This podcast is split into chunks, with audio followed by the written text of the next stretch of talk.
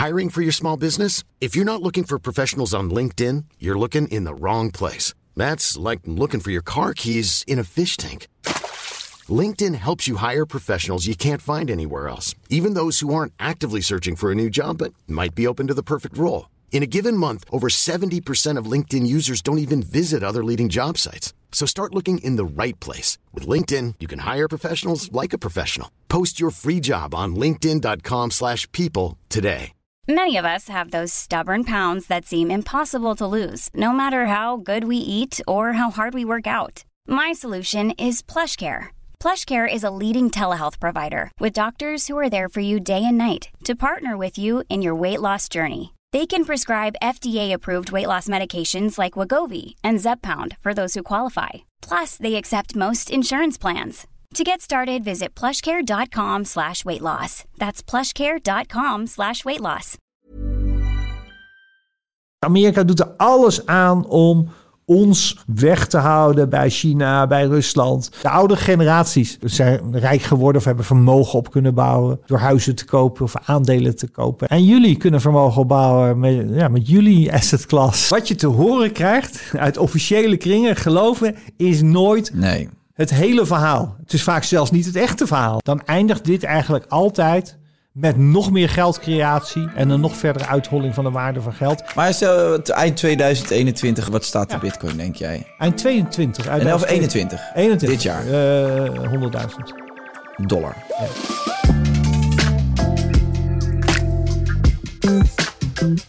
Welkom bij Even Relativeren, de podcast. En deze keer met Willem Middelkoop. En ik, eh, ik ben heel erg blij dat je er bent. Eh, dus, eh, maar, maar net gehaald trouwens, hè? ja, want wij nemen, deze, ja, wij nemen deze podcast op op... welke dag is het vandaag? Hoeveelste is het? Maandag de 8e februari. Maandag de 8e van februari. De. Historische dag. Ja, absoluut. Dat Nederland ingesneeuwd was. Voor de eerste tien jaar. Ja, niet normaal. Ja, ik kreeg vanochtend van jou een bericht inderdaad op de mail dat, ja, dat je even wat extra tijd nodig had om, eh, om het allemaal sneeuwvrij te maken. Maar het is gelukt. Ja, wij wonen, eh, wij wonen vlak bij zee in, eh in Bakkum. Ja. dicht bij de camping. En dat is echt een buitengebied. En ik had ehm, zaterdag al een mailtje rondgestuurd aan de buren. We zitten in een soort ah, ja, een raar gebouw waar allemaal appartementen in zijn gebouwd. En ik heb het al eens eerder meegemaakt. Ik had tegen de buren gezegd, nou als het een beetje tegen zit, want er komt veel wind, dan raken we ingesneeuwd. Dus eh, hou er rekening mee. En vanochtend was het inderdaad het geval sneeuwduinen tot 60 centimeter hoog. Kreeg je hulp van je buren eigenlijk bij het, eh, Ja, bij dat het zijn, scheppen? oudere, dat zijn nog oudere mensen. Dus eh, ik heb het met een schep. Ik heb eh, een workout gehad van een uur. Ja, ja, precies. Ik was eh, drijvend van het zweet. Maar toen kon ik eruit. Gelukkig four-wheel drive en eh, Ja. winterbanden. Ja, top. Oh, je hebt wel winterbal. Ja, dat was Ja. ik even vergeten van. Ja, en, we hebben nog een auto. En die hadden we voor de zekerheid al buiten het hek gezet. Dat is een Tesla. Ja, Mijn vrouw moest ook weg. En eh, nou, die, kon, die, kwam, eh, die kwam ook weg eh, na wat scheppen. oké, gelukkig. Nou ja, extra bedankt dat je die moeite hebt genomen om vanochtend ja, je toch de mouwtjes op te stropen om hier veilig te belangrijk hè, dit. Dat is belangrijk. Absoluut. Nou ja, ik ben heel erg blij dat je er bent nogmaals. Dus ja, Willem, hoe, hoe moeten we jou nou introduceren? Want je bent eigenlijk van alles. Je bent Ja. ondernemer, je bent fotograaf geweest, je, ja, maar ook een beetje journalist. Hoe zou jij jezelf nu op dit moment omschrijven? Ja, ik ben eigenlijk een eeuwige student. Ja. Maar dan niet in de klassieke manier van, eh, weet je, ik heb een HBO-opleiding gedaan, maar dat, dat stelde me niet zoveel voor. Eh, eh, ik, ben, ik ben altijd aan het lezen, al- altijd aan het leren, maar ik, moet- ik moet mijn eigen gang gaan. Weet je, Ehm, een leraar of een professor die mij vertelt wat ik moet doen. Dus je, je moet mij gewoon een paar boeken geven die me interesseren en die lees ik allemaal, die verslind ik allemaal. Dat doe ik mijn hele leven al. Ik was een jongetje die vroeger de Kijk had, eh 13, 14. Wat was de Kijk? De Kijk, zo'n tijdschrift over allemaal populair wetenschappelijke onderwerpen. Die legde dan uit hoe hemellichamen in een baan rond de zon zijn en hoe dat dan werkt. Nou, allemaal van dat soort dingen. Zo'n jongetje was ik die dat allemaal wilde weten. Wat je nog niet weet, dat wil je gewoon weten. Ja, maar tot op de dag van vandaag. Ik ben 58, ik weet nu best wel een paar dingen. ja. Maar elke dag zijn er dingen dan... ehm, ik sta eigenlijk altijd letterlijk op als een kind die ehm, zijn verjaardag heeft of kerstmis heeft. En dan Sinterklaas en die dan naar beneden wil rennen om te kijken wat, welke cadeautjes liggen. Ja. En zo sta ik echt op en dan doe ik die computer over. En dan wil ik meteen zien, wa- wat is er gebeurd? En dan heb ik ideeën en dan wil ik dat uitzoeken. En, dat, en dat, wordt niet, dat wordt alleen maar erger naarmate ik ouder word. En ik kan ook geen films kijken eigenlijk, want ehm, mijn vrouw eh, moet altijd films meekijken. Maar ik heb de rust niet, want in mijn hoofd gaat het door, weet je. Dan zit ik aan andere dingen te denken, dan wil ik het opzoeken. En ja, dat heb ik gewoon. Ik, eh, ik volg jou op Twitter. Ik heb zelf geen Twitter, maar af en toe ga ik naar Twitter om te kijken Ah, wat jij geplaatst hebt. Eh, ik zie dat je altijd heel erg bezig bent, eh, vooral bezig bent. Je hebt een grote fascinatie voor de economie, kunnen we wel zeggen, toch? Ja, niet zozeer de economie, het financiële systeem. Ja, het eigenlijk. financiële systeem. Ja. Ja. Geld, financiële Valt dat niet onder de economie? Ja, maar kijk, economie. Ik heb een hele hoop. Ik heb altijd een beetje haat-liefde relatie met economen. Ik ben ook geen econoom. Als mensen me econoom noemen, denk ik onzin. Ja, ik was al voorzichtig. Economen, als ze in Hilversum iemand nodig hebben om iets van de wereld van het geld te vertellen, dan vragen ze altijd een econoom. Maar als je een beetje pech hebt, dan zit daar een sociale arbeidseconoom of eh, ja, die weet alles van lonen en cao's en het effect van eh, loonkortingen op de groei van de economie. Ja, dat, dat interesseert me allemaal niet. Dat, dat is niet mijn eh, fascinatie. Mijn fascinatie is altijd geweest. Hoe lopen de hazen in de financiële wereld? Hoe, waar zit de macht? Hoe stroomt het geld en waarom? En waar komt dat geld vandaan? En weet je, cao's en dat, eh, dat, eh, dat, dat interesseert me allemaal niks. Terwijl tientallen jaren toen ik opgroeide, ik ben inmiddels wat ouder, ik ben 58. Toen ik opgroeide, jaren 70, 80, het ging alleen maar altijd over die sociale economie, over de cao en de pensioenleeftijd en de, ik was geïnteresseerd in die, in die financiële markten, maar dat ja, bestond in Nederland eigenlijk nog niet. Ja, je had de AX en er was dan Shell genoteerd, maar dat vond ik helemaal niet interessant, zozeer Shell. Nou, Shell dan nog wel als bedrijf, maar dan kwam je de Axo's en de DSM's. En, interesseerde me eigenlijk niet zo Jij keek naar wat er in Amerika gebeurde. ja. ja. en toen kwam ik achter in Canada. Daar heb je duizend kleine bedrijven, eh, beursgenoteerd, die allemaal boren om nieuwe grondstoffen, goud, zilver, koper te vinden. En toen dat, ja, dat, dat, dan komt het kleine jongetje in mij, wordt wakker. Ik denk, oh, dat is leuk, daar wil ik alles van weten. Moet je kijken, die gaat duizend procent omhoog, die gaat vijfduizend procent Ja. omhoog, als ze geluk hebben. En daar wil ik dan alles van weten. En daar heb ik eigenlijk mijn beroep van gemaakt. Dus ik ben op een gegeven moment gestopt. Eventjes kort, ge- gestudeerd, HTS voor confectieindustrie, niets mee gedaan. Ehm, fotograaf geworden, want dat was mijn grote fascinatie toen ik echt jong was. Eh, Fotojournalistiek, gewoon achter de brandweer en politie aan, krakersrellen. Maar ook met Koninklijk Huis mee op staatsbezoek, eh golfoorlog, alles gedaan voor Panorama. Twintig jaar lang, eh, tussen mijn 18e en 38ste. Toen werd ik gevraagd om chef fotoredactie te worden bij het Parool. Eh, Matthijs van Nieuwkerk was toen hoofdredacteur. Ja. heel leuk om van binnenuit een krant mee te maken. Dus ik, ik weet gewoon echt hoe een krant wordt gemaakt, hoe dat proces werkt. Ehm, daarna, ik was heel erg gefascineerd door CNN. Hè. Je had dus in de jaren negentig kwam dat, eh, dat, dat, dat nieuws, hè, te, te, voelt, ja, 24 hours, gewoon Mhm. dat tv-nieuws. En dat, als dat ooit in Nederland begint, da- daar wil ik bij zijn. En toen begon RTL met RTL Z. En dat was in eh, rond 2000. En toen had ik gelukkig eh, rond die tijd, al een paar jaar, was ik heel erg met beleggen bezig met een aantal vrienden en daarin te verdiepen. Dus RTL Z was een nieuwsprogramma, 24 uur per dag ongeveer, eh, over ja, nieuws en financiële markt en economie. Dus ik voelde aan, dat is echt iets voor mij. En omdat ik al heel lang in die journalistiek zat, kende ik veel mensen gewoon bij RTL. Dus ik heb gewoon opgebeld en gezegd, mag eens komen praten? Nou, RTL zegt dat heel veel moeite goede mensen te vinden, want weet je, de serieuze journalisten van ehm, de financiële redacties van kranten, die vonden dat, die haalden daar hun neus voor op. En eh, ik kon altijd wel goed praten en eh, ik zag er vrij netjes uit. Dus ze zei de hoofdredacteur, nou, ga maar eens een screentest doen. En die lukte vrij aardig. Dus kreeg ik meteen een, eh, eigenlijk een contract. Maar ik zorgde ervoor dat ik altijd freelance was. Dus ik was freelance chef foto bij het Parool, drie dagen in de week. Daarnaast was ik met investeren in appartementen bezig. Die ik vuurde aan expats in de jaren negentig. Daar werd ik eigenlijk financieel een beetje onafhankelijk mee. Toen ben ik dus drie dagen per week bij RTL gaan werken. Ook vanuit een hele comfortabele positie dat ik ja, gewoon kon doen een beetje wat ik leuk vond. Werd al vrij snel de beurscommentator. Er werd gevraagd, ik zat eerst gewoon in de algemene verslaggevingsploeg. Maar werd al vrij snel gevraagd of ik als een soort specifieke beurscommentator op de beurs wilde gaan staan.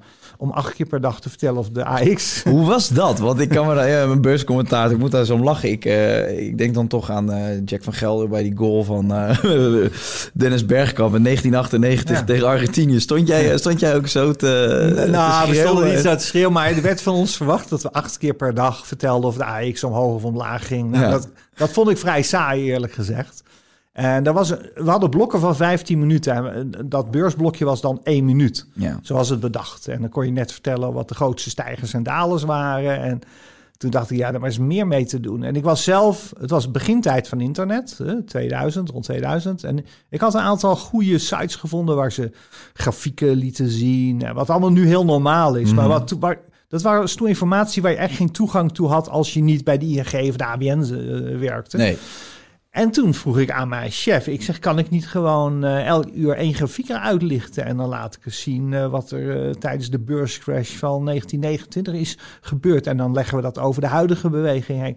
Nou, ik had de die vond het allemaal wel leuk. We hadden toch die zender, die moest toch vol. Er was toch niet zoveel, ja, te, waren niet zoveel onderwerpen die interessant waren. En toen is dat beursblokje van één minuut, werd, kon ik steeds verder oprekken. Anderhalf minuut, twee minuut, tweeënhalve minuut. En als ik maar met interessante content kwam, nou, dan zei de eindredacteur, nou Willem, ga maar door. Dus ik kon daar een beetje mijn eigen showtje van maken. Ja.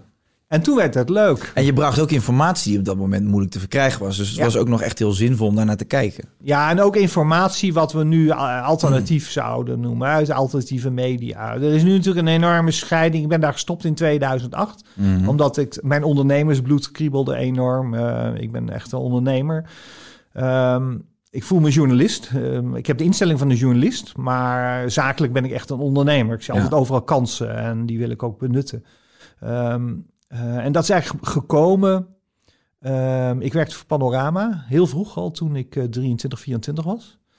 Um, en toen, kwam ik, toen werkte ik met een paar briljante jonge journalisten, Pim Christian, Henk Hansen. Die hadden hele creatieve ideeën. Die verzonden al, al die gekke ideeën waar Panorama toen groot mee is geworden. En ze hadden ook budget, uh, panorama, om alles, alle, alle rare avonturen te doen. En toen dacht ik op een gegeven moment, want ik vond ideeën, dat ideeën verzinnen, creatieve geesten, vond ik echt heel leuk. Dus dat vormde mij. Um, en toen dacht ik op een gegeven moment, maar als we zulke creatieve dingen kunnen verzinnen. Weet je, we gingen naar de Golfenoorlog in 1991 met marinevlaggen. Huurden we een klein bootje in, de, in, de, in, in, in Dubai. En dan gingen we de golf op. Want je hebt van die marinevlaggen. En een schip moet stoppen als je een bepaalde vlag omhoog steekt. He, dat zijn de wetten van de zee. Ja. En dan um, de, de, de, de, aanleiding was dat de Nederlandse marine had fregatten de golf ingestuurd om mee te doen met uh, het omsingelen van uh, Irak. En Panorama zocht een manier om iets te doen met die marineactiviteit en de golf. Want de marine wilde nergens aan meewerken. ja. En de marine wilde nergens aan meewerken. Dus hebben wij een boot gehuurd. Een vissersboot. Die gaan zijn vissersboot. Gewoon duizend dollar gegeven. En hebben we press op geschilderd. Een paar van die marinevlaggen meegenomen. En dan hadden we een vlag. En dat was, dat was allemaal idee van Pim Christiaans van Panorama. En hier is die vlag. En dat was een vlag. Dat stond voor stop. Ik heb een bericht voor u. En dan moet je stoppen. in en, de, en dan moet je in, in nationale water. Ja, dan moet je stoppen. Dat zijn de regels. Ja, ja. Nederlands gat voer natuurlijk gewoon door. Maar, maar dan, ik was de fotograaf. Moest dat allemaal vastleggen. En uh, nou ja, gewoon kuifje. Kuifje af en Ja, niet normaal. Maar toen dacht ik op een gegeven moment... we verzinnen zulke leuke dingen. Als we nou diezelfde tijd en energie besteden... aan het uh, verzinnen van zakelijke dingen. Slimme ja. zakelijke dingen. En dat was nog niet de tijd dat je start-ups had en zo. Maar toen ben ik in mijn hoofd, ik was, ik was veel zakelijker dan uh, mijn uh, vrienden bij Panorama, met wie ik dan die teksten maakte, die reportage maakte. En toen heb ik eigenlijk stilletjes in mijn hoofd, ben ik steeds meer na gaan denken over hele goede zakelijke dingen. En zo ben ik die appartementen gaan kopen in Amsterdam, te vuur aan expats. Ja, doet nu iedereen, is nu heel normaal. Maar ik had toen vrienden die zeiden van, ja, maar dat kan toch niet? Dat, dat, je kan toch niet zomaar vijf hypotheken nemen. Hoe kwam jij je eerste vermogen? Hoe, was je op die leeftijd in staat? Uh... Ik had een uh, goed... Ik uh, was dus freelance fotograaf vanaf mijn achttiende. Verdiende daar al vrij snel leuk geld mee. Na mijn afstuderen werd dat fulltime. En toen ging ik dus meer doen voor Panorama, voor Reuters. En verkocht ik voor 150.000 gulden toen nog foto's per jaar. Dat was Ja. best, best veel geld. Absoluut, ja. En ze verdienen toen 30, 40, 50.000 gulden Ja. per jaar. Dus ik kon makkelijk een hypotheek krijgen. Dus ik gaf het ook allemaal uit. Dus ik, bleef, ik spaarde niet. Maar ik had op een gegeven moment wel door. Iedereen huurde in Amsterdam. Hè. Nou, Eigenlijk nu nog steeds. Maar de, de koopmarkt is heel klein. Maar ik had op een gegeven moment wel door. Ik kan veel beter gaan kopen. En toen ben ik dus met de bank gaan praten. Eerst hypotheek. Een leuk appartement gekocht. En toen dacht ik, wie spot goedkoop. De appartement kostte 110.000 gulden. Een maisonette aan de Sloterplas. Prachtig uitziet. Mhm. En veel lagere maandlasten dan huur. Waarom huurde iedereen toen destijds? Nou, zo is de Amsterdamse woningmarkt opgebouwd. Dat, in Amsterdam is allemaal sociale woningbouw. Er zijn Hmm. bijna geen koopappartementen. Toen, ik spreek nu over hè, begin jaren negentig. Daar had je alleen maar koopappartementen aan de grachten. Ja. Daar woonden zeg maar de rijken. Dus daar dacht je niet aan dat je daar ging kopen. En je had, ja, je had een paar dingen die je kon kopen. Dan in Osdorp of in Noord. En Zeeburg was nog niet gebouwd. Die eihoevers waren nog niet ontwikkeld. Maar dat waren niet de aantrekkelijkste buurten om een huis nee, te kopen. Nee, dus iedereen... Als je die lijstjes zag met ehm, de ratio van koop en huur Amsterdam vergeleken andere landen, was Amsterdam een hele rare stad. En Want ik heb altijd in de veronderstelling geleefd. Dus eh, nu, hè, ik, ben, ik ben 30. Ik zie natuurlijk wat die, die huizenprijzen allemaal doen. Ik woon zelf in Rotterdam. Amsterdam is insane. Maar ook Rotterdam is ten opzichte van vijf jaar geleden natuurlijk enorm gestegen. En ik zit altijd van, oh, was ik maar, had ik maar hetzelfde salaris in de jaren negentig of zo, dan had ik dat gekocht en dat gekocht. Maar dat was dus toen helemaal niet zo makkelijk nou, om te kopen. Nee, maar dat, dat gevoel had ik dus ook. Ik reisde al best veel en dan zag ik in Parijs en in Londen waren die prijzen zoveel hoger. Dus toen dacht ik dat ik voor 100.000 gulden een appartement kan kopen. Hè? Is 50.000 euro. En die kon ik mhm. gewoon verhuren. En er kwamen steeds meer buitenlanders naar Amsterdam. Want Amsterdam werd steeds internationaler. Dus toen ben ik een tweede appartement gaan kopen. Er was toen nog geen centraal hypotheekregister. Dus ik deed gewoon net alsof het mijn eerste appartement was. Ik kreeg gewoon weer een hypotheek. Bij dezelfde bank? Dezelfde bank. Ja? Ja. en toen zette ik hem te huur via zo'n gespecialiseerd bureautje rotsvast. En ja, dat vroeg ik me ook af. Want kijk, nu gaat het, ik vuur ook één appartement, maar dat gaat allemaal online. En ik had mijn appartement online gezet. En binnen drie uur had ik vijf bezichtigingen. Van een Oostenrijker, een Turks gezin. En, uh, ja, dat ging toen via bureautjes, bemiddelingsbureautjes. Die vroegen dan één maand huur. Maar die vroegen ze aan de, aan de huurder, dus hoefde ik niet te betalen. En als mijn kosten zeg maar duizend waren, dan vuur ik het altijd voor 2000. Dus op een gegeven moment had ik het door. En toen, ik ging altijd s ochtends vroeg, uh, op woensdag ging ik naar de Telegraaf, haalde ik de, de, de krant met erin de woonkrant. Want alle advertenties stonden toen nog in de krant. Ja. En dan had ik om vijf uur de, de krant. En daar stonden altijd maar ja, 20, 30 appartementen te koop. En uh, als ik dan een goede zag, bijvoorbeeld die eentje die gemeubileerd was, die is gemeubileerd wilde verkopen, dan bood ik gewoon vraagprijs door de telefoon. Dan zorgde ik om acht uur gewoon. Eigenlijk had ik hem gekocht om acht uur. Ja. Want je had altijd voorbehoud financiering, dan mocht je altijd dat maken. En dan ging ik naar de bank. En, dan, nou ja. en na drie, vier zei ik keer dat dat gelukt was, heb ik tegen de bank gezegd, ja, ik heb het nu drie keer gedaan alsof mijn eerste hypotheek was. En toen zei ze van, nou ja, goed, dat hebben we wel door. En er zijn wel meer mensen die dat doen. Dus toen bleek dat ze eigenlijk best wel wilden meewerken om gewoon meer hypotheken voor me te regelen. Maar zolang jij je hypotheek netjes aflost iedere maand, zou je de bank niet zo snel horen, toch? Nee, nou, ze zeggen, je hoeft niet eens af te lossen. Want toen kwam je aflossingsvrije hypotheek. Je moest gewoon de rente betalen. Oh ja. En die rente die daalde steeds meer. En daardoor gingen de huizenprijzen steeds meer omhoog. Dus dacht ik, nou, dit is leuk. Dus toen heb ik binnen een paar jaar acht appartementen gekocht en verhuurd. Wat was je, wat was je leeftijd toen? Toen was ik begin 30, ja, dat, ik ermee begon. Ja, dan ben je. Tijd. Ja, dan ben je en, en, en op een uh, hele leuke leeftijd, ja. maar ook al wel misschien. ik was serieus genoeg om bij de bank te kunnen ja, praten. Ja. En, ik had, en ik had goede omzetcijfers. Hè? En ze zagen dat ik wel dat ik gewoon uh, wel slim was. Ik bedoel, ze hoefden niet bang te zijn dat ik mijn cashflow niet op orde had. Voor hoeveel vuurde je in huis in die tijd? Uh, ja, alles was tussen de. Um, ik kwam al heel snel achter dat je. Uh, alles zat boven de 1000 euro. En dat is ook de vrije sectorgrens. Dus als je een klein studiootje had, die ging voor 13, 1400. Uh, het was al een euro. Gulden, nee, gulden, gulden ja, nog. Ja. ja. Maar ik kwam al snel achter. Je moest gewoon 60, 70 vierkante meter hebben. Gewoon de courante appartementen. Op een beetje goede locaties, zeg maar, binnen de, binnen de ring. En die gingen allemaal tussen de 2.000 en 3000 uh, gulden per maand. En toen de euro's kwamen, werden het eigenlijk al heel snel euro's. Ja. Maar toen die euro kwam in 2001, um, ehm, ik begon in die tijd, ik kreeg heel makkelijk geld. Hè. Ik merkte dat de bankiers eigenlijk op hun knieën lagen of ik alsjeblieft meer uh, geld wilde lenen. En daarvoor dacht ik altijd dat ik op mijn knieën moest liggen bij de bank om te vragen of ik alsjeblieft ja. geld kon lenen. En toen merkte ik dat ik gewoon de knop om moest zetten. Willem, het, je leent niet het spaargeld van je buurman, waar je dus voor op je knieën moet. Mag ik dat alsjeblieft lenen? Nee, die bankiers die zoeken klanten die zoveel mogelijk geld van ze willen lenen. Want dat is hun product. Precies, ja. Rente. Zoals een autodealer ja. zoveel mogelijk auto's wil verkopen. Zo wil een bank zoveel mogelijk leningen verkopen. Dat, is, dat heet ook letterlijk de productie. Maar had je daar, had je daar eh, een tijdje daarvoor moeite mee of zo? Dan was het een ethische nee, kwestie? Nee, dat was alleen in mijn hoofd. Eh, weet je, ik ben een beetje, ja, ik ben een beetje, ik ben niet, ik kom niet uit een zakelijk milieu, dus ja, Calvinistisch opgevoed. En je lenen deed je alleen als niet anders kon bij de bank. En dan moest je er bijna voor schamen. Hè? Dat is een beetje de oude Calvinistische cultuur. Ja, die je grootouders nog hebben. Ja. En, en toen, en ik, ik was eigenlijk ook een vroege juppie, dus ik kwam eh, ook veel in zakelijk eh, en een beetje, eh, ja, jo- jo- ja, hoe moet je het noemen, ondernemen, de rechtse kringen. En het begon helemaal te kantelen. Je was dom als je geen vreemd vermogen, als je geen schuld gebruikt. Ja. En dat, dat kantelmoment heb ik toen eigenlijk meegemaakt in de jaren negentig. En toen dacht ik, Willem, je bent hartstikke dom als je, als je dat geld van de bank niet gaat gebruiken. Ja. En, dat, en nu komen we bij een leuk onderwerp. Want toen was ik natuurlijk eigenlijk een soort ehm, speler, medespeler in het spel... om het financiële systeem zoveel mogelijk op te blazen. Wist ik helemaal niet. En toen dacht ik, wat een rare wereld is dit. En er is waarom onbeperkt op- geld. Ja, en, en, en, en jij was daar, of jij en alle mensen die daar aan meededen destijds en nu nog steeds, zijn daar onderdeel van. Ja, kijk, tot...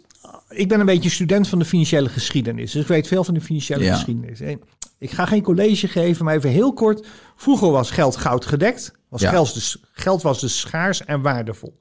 In 1971 werd de dollar ontkoppeld van goud. Ja, en dat, is, dat, is, dat is een heel belangrijk punt geweest. En vanaf dat moment werd geld niet meer schaars, maar werd geld overvloedig. Maar dat heeft 10, 20 jaar geduurd voordat dat helemaal doorcijpelde in de hele economie. Maar even voor mij om te begrijpen, Ja. tot, tot, tot 1971, eh, toen de dollar werd losgekoppeld van goud, was het toen dan niet mogelijk om geld bij te drukken? Of, Jawel, of maar dan moest was- je dus ook zorgen eigenlijk dat je evenveel goud erbij Dus kreeg. moest je de blijven mijnen. Ja, en Amerika, kijk, het gaat er iets verder terug. En dat is wel heel interessant. interessant. Kijk, Amerika, die, eh, het was een, er was een groep bij het ministerie van Financiën. En die is in 1942 begonnen aan een project om na te denken hoe Amerika de financiële en de economische macht in de wereld zou kunnen grijpen. Ja. En we zaten toen al in de Tweede Wereldoorlog. Wie was dat voor de Tweede Wereldoorlog eigenlijk? Wie was toen de, de, de financiële... Het Engelse Rijk, het Britse Rijk. Nou ja, Maar, dat is heel interessant, het Britse Rijk was op het hoogtepunt in de 19e eeuw. In 1870 werd de Amerikaanse economie groter dan de Britse economie. Maar het zou tot 1914 duren, de start van de Eerste Wereldoorlog, dat de Britten hun gouddekking moesten loslaten, hun goudstandaard moesten loslaten. Dus het pound sterling, het Britse pond gebruiken nog heet, dat heette toen pound sterling, dat was toen de beste munt, de veiligste munt op aarde. Tot 1914 omdat voor de Eerste Wereldoorlog moesten ze geldkraan aanzetten. Die geldkoppeling, die goudkoppeling is toen verdwenen. En toen heeft Amerika gedacht, wij moeten proberen die rol van Engeland over te nemen. Dat wij eigenlijk het Amerikaanse Rijk gaan bouwen. Nou, hebben ze tijd voor nodig gehad. En toen de Tweede Wereldoorlog begon, is er eens een werkgroep geweest. Die is in 1942 gaan nadenken. Hoe kunnen wij als we deze oorlog winnen, nou zag het er al uit dat we dat konden doen. Hoe kunnen we dan een plan lanceren als Amerika dat wij de economische macht hebben? En wat hebben ze toen gedaan? Echt heel slim. Echt heel slim. Toen hebben ze een conferentie uitgeroepen in de zomer van 1944. Toen het duidelijk was dat de Duitsers echt op punt van eh, overgraven stonden. Brad, Bretton Woods. Bretton Woods, Bretton ja. Woods conferentie. Ja. Dat is een conferentieoord in New Hampshire. Heel beroemd. Hè? Ergens in middle of nowhere. Prachtig eh, conferentieoord. Hebben ze ministers van Financiën en de centrale bankpresidenten van 44 landen uitgenodigd. Moet je je voorstellen, in 1944. Sommigen kwamen vliegtuig, sommigen per boot. Ja. En hebben ze opgesloten een paar weken om te praten over de architectuur van het financiële systeem. Ja. Het financiële systeem is niet door de natuur of door God gegeven. Dat is, dat is gebouwd. Dat zijn afspraken tussen de handelspartners in de wereld. En Amerika kwam met een nieuw voorstel. Wij gaan een nieuwe wereldmunt introduceren. Dat is de Amerikaanse dollar. En de Amerikaanse dollar, die wordt goud gedekt. Ja. Want Amerika had, doordat ze zoveel overwinningen hadden in de Tweede Wereldoorlog, hadden ze ongelooflijk hoeveelheid goud kunnen, ja, kunnen accumuleren. Maar de landen, kijk, voor mij, eh, als ik dan denk van ja, de landen die uit Europa komen, is er überhaupt goud te vinden in Europa? Is dat ooit zo geweest? Ja, want eh, we hebben natuurlijk eh, de oudste gouden en zilveren munten, die, eh, die zijn in eh, Europa begonnen, heel, heel lang geleden.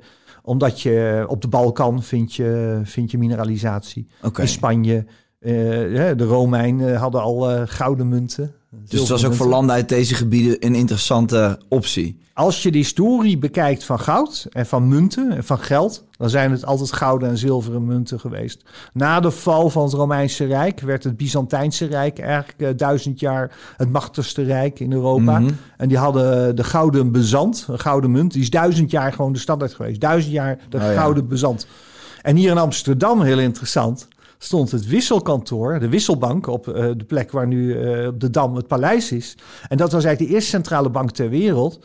Want dat was in de 17e eeuw, was een bank waar ze eigenlijk alle gouden en zilveren munten kon je daar ja, ruilen of laten waarderen. En dat, ja, Amsterdam heeft een hele grote rol gespeeld bij de start van heel veel ontwikkelingen in het financiële systeem. De eerste aandelenbeurs, of de eerste aandelen werden hier uitgegeven hè, voor de VOC. Ja. 1604. De eerste opties ontstonden hier op tulpenbollen in de tulpenmanie. 1637.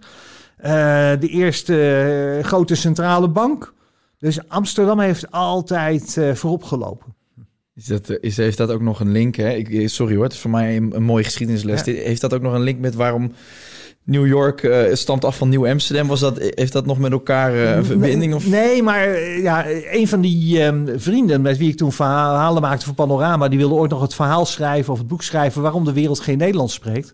Want de Nederlanders hebben natuurlijk Nieuw, Amst- Nieuw Amsterdam ontdekt. Hè? Ja. Gewoon Manhattan ontdekt. Dat Ja. was van Nederland. En dat hebben we op een gegeven moment geruild voor Suriname. Ja, dat ik weet niet ja. of de beste deal is geweest. Nee. Maar als wij dat hadden gehouden, dan was Nederlands misschien de voertaal geworden in Amerika. Ja. En we hadden natuurlijk ook Indonesië, waar hè, 400 miljoen mensen ook Nederlands moesten leren spreken. Dus het had niet veel gescheeld of de, wereld had misschien Nederlands gesproken. Maar even terug naar Bretton Ja, Woods. sorry, we gaan alle kanten. Het is zo interessant. Daar waren we. Ehm, en toen kwam Amerika dus met het plan, we gaan de dollar gebruiken als wereldmunt. Ehm, maar toen kwamen de Britten, die waren tegen. Die Britten hadden natuurlijk wel door. Ja, god, Amerika gaat onze positie innemen. En die worden dan heel machtig. En die, die, die wisten uit hun, natuurlijk uit hun ervaring hoe belangrijk het is dat je de wereldmunt in handen hebt. Hè? Want in die wereldmunt worden alle grondstoffen geprijsd. De olie wordt erin verhandeld. En iedereen moet dan die munt eigenlijk bij jou kopen. En jij kan hem, jij kan hem drukken. Ook al zeg je dat die goud gedekt is. Dus de Britten kwamen met een eigen plan. Meneer Keynes, de beroemde econoom, die kwam met een plan om de Bancor, een hele nieuwe wereldmunt te maken. Was niet van één land, werd gewoon, hè, daar zouden we een nieuwe wereldwijde organisatie voor moeten oprichten. Een soort IMF was het idee. Even when we're on a budget, we still deserve nice things. Quince is a place to scoop up stunning high-end goods for 50 to 80% less than similar brands. They have buttery soft cashmere sweaters starting at $50, luxurious Italian leather bags, and so much more. Plus, Quince only works with factories that use safe, ethical, and responsible manufacturing. Get the high-end goods you'll love without the high price tag with Quince. Go to quince.com slash style for free shipping and 365-day returns. En dan zou de Bancor de wereldmunt worden. Amerika was natuurlijk sterk tegen. Die wilde echt die macht in handen krijgen. En toen heeft Amerika ja, al die 44 landen een beetje gepaaid en eh, omgepraat. En toen is eigenlijk Europa overstag gegaan onder de nadrukkelijke belofte dat Europa altijd overtollige dollars mocht inruilen tegen goud. Dus de dollar werd as good as gold. Daar komt die uitspraak vandaan. Dus we mochten altijd dollars naar Amerika terugsturen, kregen we goud. Uh, toen we dat gingen doen in de loop van de jaren 60, want inmiddels waren we 20 jaar verder, die dollar was geaccepteerd, dollar was succes geworden. Maar Amerika begon steeds meer dollars te drukken om de Vietnamoorlog te financieren. En uitkeringen, sociale programma's te financieren. Dus landen zoals Frankrijk, maar ook Nederland en Engeland begonnen goud op te vragen bij Amerika. En op een gegeven moment heeft Jelle Zijlstra, hier bij de Nederlandse Bank, de directeur van de Nederlandse Bank op het Frederiksplein, heeft voor 600 miljoen goud opgevraagd in 69, 1969. Toen is Paul Vulker, die toen um, de minister van Financiën was, die is in Air Force One naar Amsterdam gevlogen. en die is naar het Frederiksplein gereden en heeft gezegd tegen Jelle Zijlstra, we have a problem with your request. You're rocking the boat. En toen zei Jelle Zijlstra heel gevat, ze beschrijft in zijn biografie... Uh, if this, this, rocks the boat, then the boat's not very solid. Mm. Wijzend natuurlijk dat Amerika zogenaamd een hele sterke dollar had. Maar die was wel weliswaar goud gedekt. Maar ze drukte te veel dollars. Dus Zijlstra besefte wel, die dollar is eigenlijk niet meer as good as gold. Wilde hij ze op die manier ook een soort spiegel voorhouden? Ja, Ja. ja. En toen heeft Nederland toch goud gekregen. En omdat steeds meer landen dat goud opvroegen in Amerika, 69 spreken we over, heeft president Nixon in augustus 1971, op 15 augustus, in een landelijke televisie, rechtstreeks televisietoespraak, tegen het Amerikaanse volk gezegd dat Amerika tijdelijk de dollar loskoppelde van goud. Tijdelijk. Tijdelijk. Ja, eh, De ervaring leert als mensen uit de politiek zeggen dat iets tijdelijk is, Ja, hè, dat ook is met gewoon wetten, permanent. is gewoon permanent. Oké, en, en, en kan, De, de, de kroegen gingen twee weken tijdelijk dicht, hè? ja, ja. Kijk waar we nu zitten. ja. Is het zo dat op dat moment de dollar eigenlijk een soort van vogelvrij verklaard werd? Ja, ja. Op dat moment, eh, en daarom heette mijn eerste boek, die kwam uit 2007, ook als de dollar valt. Ja. Want eh, eigenlijk wachten insiders sinds dat moment op het punt ja, dat, dat, dat Amerika de schijn niet langer hoog meer kan houden, dat eh, die dollar waardevol is. En wat er nu is gebeurd, en nu komen we bij het actuele, Juist, ja. dat werd wel eens tijd. Nee, maar ik te veel... eh, Nee, maar ik vind het heel interessant. En ik, ben, ik heb op dit gebied weet ik zo weinig. Dus ik ga je ook veel vragen Ja. stellen waarvan je denkt misschien eh, dat had je moeten weten. Maar ik, vind- ik, ik, ik vind het heel interessant en ik hoop ook dat de kijker het goed kan volgen. Ja, dus ehm, kijk, A- Amerika Mhm. die kwam eh, toen eigenlijk in 1971 best wel in de crisis terecht. Want het was wel een shock voor de wereld. Hè? Als je in 1944 de wereld hebt verteld, de dollar is as good as gold. En dit is de nieuwe standaard. En je moet daar, eh, wat is het, eh, 20, 25 jaar later alweer op terugkomen. Eh, dus er ontstond ook een beetje een dollarpaniek. Er is een keer een dag geweest dat je nergens in Europa meer dollars eh, kon verkopen. Niemand wilde Nee. het meer hebben. En toen heeft Paul Vulker opnieuw, dat is toch wel een, eh, ja, hele grote eindbaas wat dat betreft, die heeft eigenlijk een nieuw eh, economisch beleid gevoerd in Amerika. Die heeft de rente toen opgetrokken tot, eh, ja, tot meer dan 10 procent. Ehm, en ja, doordat je zoveel rente op je te goede kreeg, stroomde er weer geld naar Amerika. De rente is kort bijna 20 procent geweest in Amerika. En toen kwamen ze in een diepe economische crisis, eind jaren 70, begin jaren 80. Eh, goud explodeerde toen ook. Hè. Goud is de antidollar.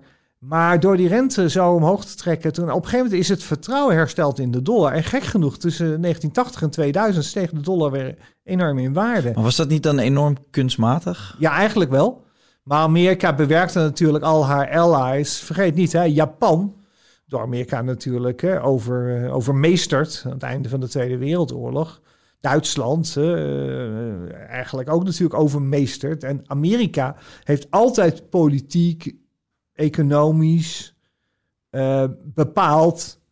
Ja, eigenlijk welke regering daar zat, wat het beleid was. En al, al, als ze anders gingen denken, ik noem voorbeelden daarvan in mijn boek. Hè, als de Duitsers een iets te eigenzinnige koers gingen varen, dan dreigde Amerika gewoon, we trekken onze troepen terug. Vergeet niet, in de jaren 70 lagen gewoon honderdduizenden Amerikaanse troepen nog in, in Duitsland. Er liggen nog steeds troepen in Duitsland, Amerikaanse troepen. Zoals er ook nog steeds Amerikaanse troepen in Japan zijn. Amerika heeft troepen en basis in 130 landen. Ja, Dus en, eigenlijk dat, werkt tweedelig, hè? Want je kunt zeggen van eh, dat is bescherming, maar tegelijkertijd is het ook een soort van vorm van macht natuurlijk. Hè? Tuurlijk, het is een hele su- subtiele wereldoverheersing. Precies, ja. Heel subtiel. En dat is, hè, we noemen dat soft power. Hè. Je hebt hard power, dan ga je schieten. En je hebt soft power. En in geopolitieke verhoudingen is dit echt soft power. En vergeet niet, Amerika, dus bestudeer maar de buitenlandse politiek van Japan. Is altijd pro-Amerikaans geweest. Eh, Duitsland eigenlijk hetzelfde. En zodra Wij Duitsland... hier in Nederland ook toch? Juist. En zodra wij vanuit Europa gaan samenwerken met de Russen, hè, Nord Stream, de gasleiding, dan moet dat worden geblokkeerd, dan moet dat worden gesaboteerd en dan moeten bedrijven daaraan meewerken. Die krijgen financiële sancties. Dus Amerika doet er alles aan om ons weg te houden bij China, bij Rusland. Dat proef je al terug in de media ook, toch? Met de kijk op Rusland. Kijk eens wat het NRC doet. Heeft verhaal na verhaal geschreven de laatste jaren negatief over Rusland. Op een gegeven moment de mooiste vond ik. Grote opening van de krant op zaterdag. Russische ambassade in Den Haag vol met spionnen. Ja. Ja. wat denk jij dat er in de Russische ambassade zit? Elke Amerikaanse. Dan kunnen ze de volgende week wel openen. Amerikaanse ambassade vol met spionnen. Ja, ja. Ik wil in een ambassade zitten mensen die moeten Nee, klopt. Ja, dat is gewoon, dat is een vak. Maar het is... zegt bakkers, een bakkerij vol met bakkers aangetroffen. ja, ja, ja, maar dat heeft altijd... eh, Ja, dat is natuurlijk ook met die Koude Oorlog. Dat heeft altijd een soort van Juist. hè, een dat negatieve gaat- lading. Het eh, gaat tot op de dag van vandaag door. Ja. Want Amerika komt natuurlijk als rijk steeds verder onder druk. En het financiële systeem komt steeds verder onder druk. Dus Amerika, daar gaan mijn, daar gaan mijn boeken over. Hè, de Big Reset en als de dollar valt. En ehm, ik weet er nu wat meer van dan toen ik boek begon te schrijven. Want bijvoorbeeld eh, de Big Reset is uitgegeven, vertaald in het Chinees. En dat boek wordt uitgegeven door Renmin University. En dat is de toonaangevende universiteit waar Chinese bankiers wordt opgeleid. En ik was heel erg verbaasd, want waarom gaan die dat boek uitgeven? Niet omdat ze Willem Middelkoop een aardige jongen vinden.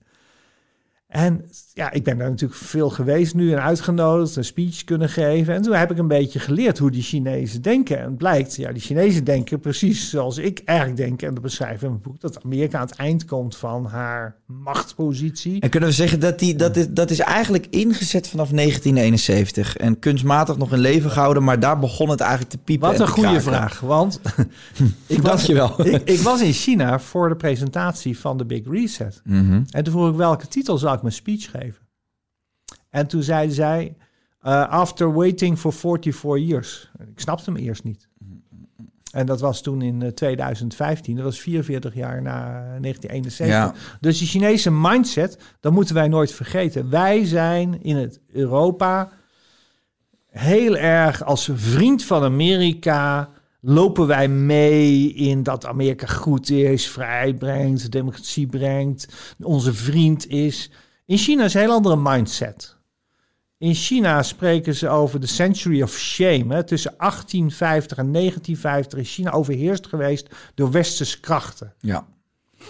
Uh, verdiep je maar eens in de geschiedenis van China. Hè. De wereld werd op een gegeven moment vergaand gekoloniseerd. En ook de Britten hebben uh, ja, vreselijke dingen uitgehaald in, in China. En Hongkong, het feit dat Hongkong nu Chinees is. Ik snap heel goed dat mensen daar moeite mee hebben, omdat China niet het meest vrije land is. Maar het is even logisch als dat Manhattan bij, bij Amerika hoort. Mm -hmm. Hongkong is gewoon onderdeel altijd van het Chinese gebied geweest. En uh, Chinezen spreken ze over century of shame tussen 1850 en 1950, dat ze niet de controle hadden over hun eigen gebied. En, en in, in China is dus altijd de mindset geweest dat Amerika en de Engelsen, dat is de vijand. Weet je, die ja. hebben ons ooit belazerd. Ja. En die doen hun best om Hongkong nog zo lang mogelijk in hun handen te hebben. En die, en die, die zorgen ervoor dat de mensen gaan demonstreren. En dus in China kijken ze heel anders tegen Amerika. Dus wat er in 1971 gebeurde met die dollar en het loslaten van die goudstandaard. Die Chinezen weten heel goed wat de waarde van goud is. Mm. Die, hebben, uh, die hebben een historie van 5 tot 10.000 jaar op dat gebied.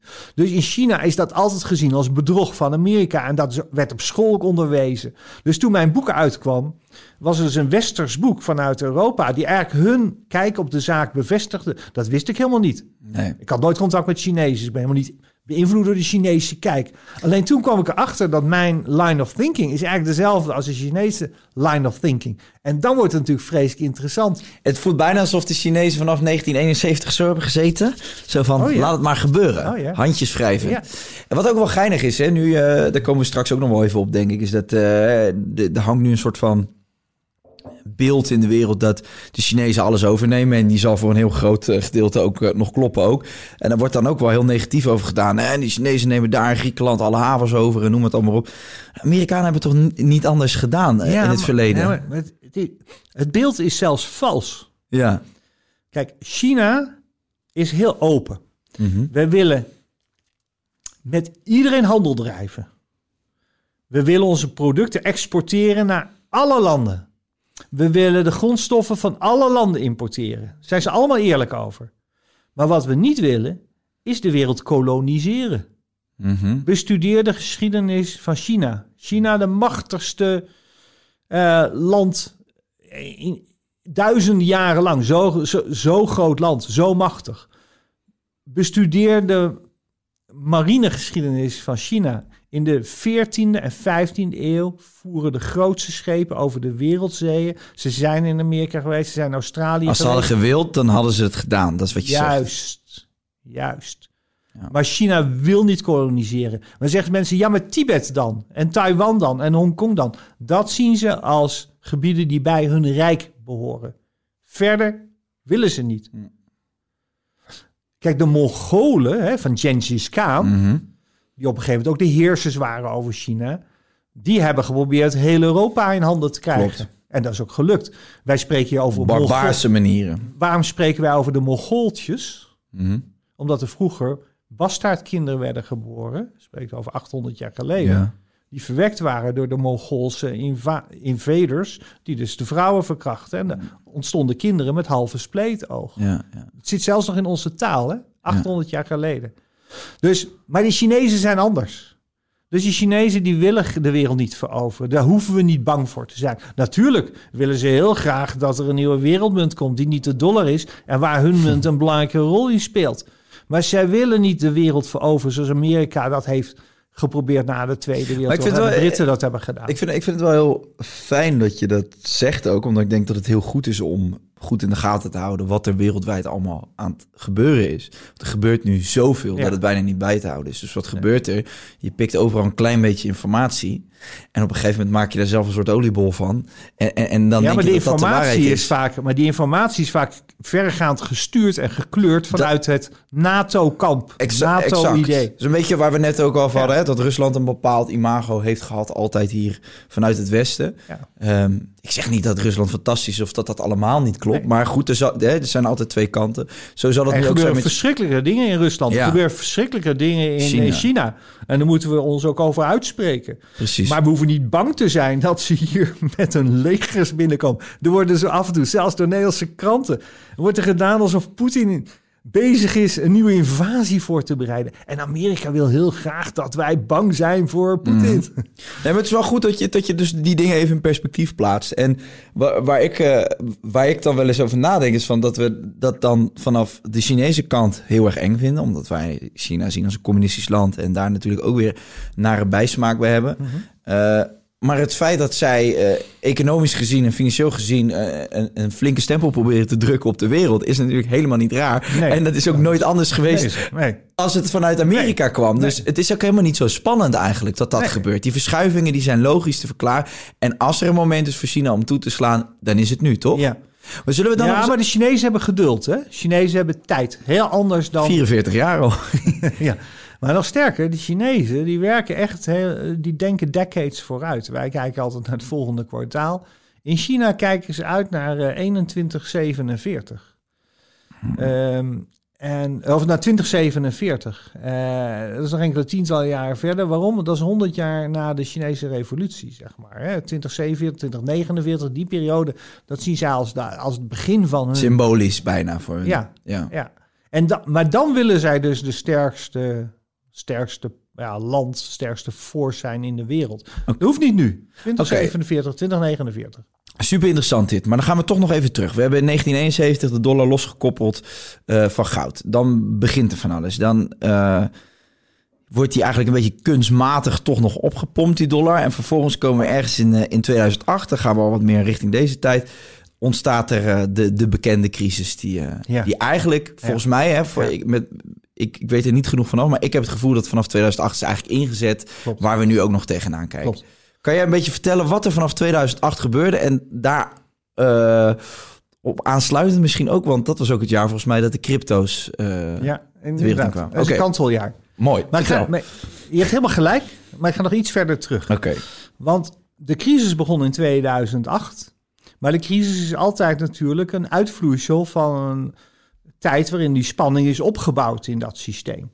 Dus in 71 werd de dollar losgekoppeld. Dat gaf voor Amerikaanse banken op Wall Street eigenlijk de mogelijkheid om veel meer geld te gaan creëren. Dus die hele ja, financiële industrie met al die aandelenbeleggingen, al die huizen, hypotheken, al, dat, al, die berg geld die is gecreëerd, waar in 2008 een probleem mee, ons, mee, mee, mee, begon te ontstaan, die is eigenlijk opgebouwd vanaf die 71.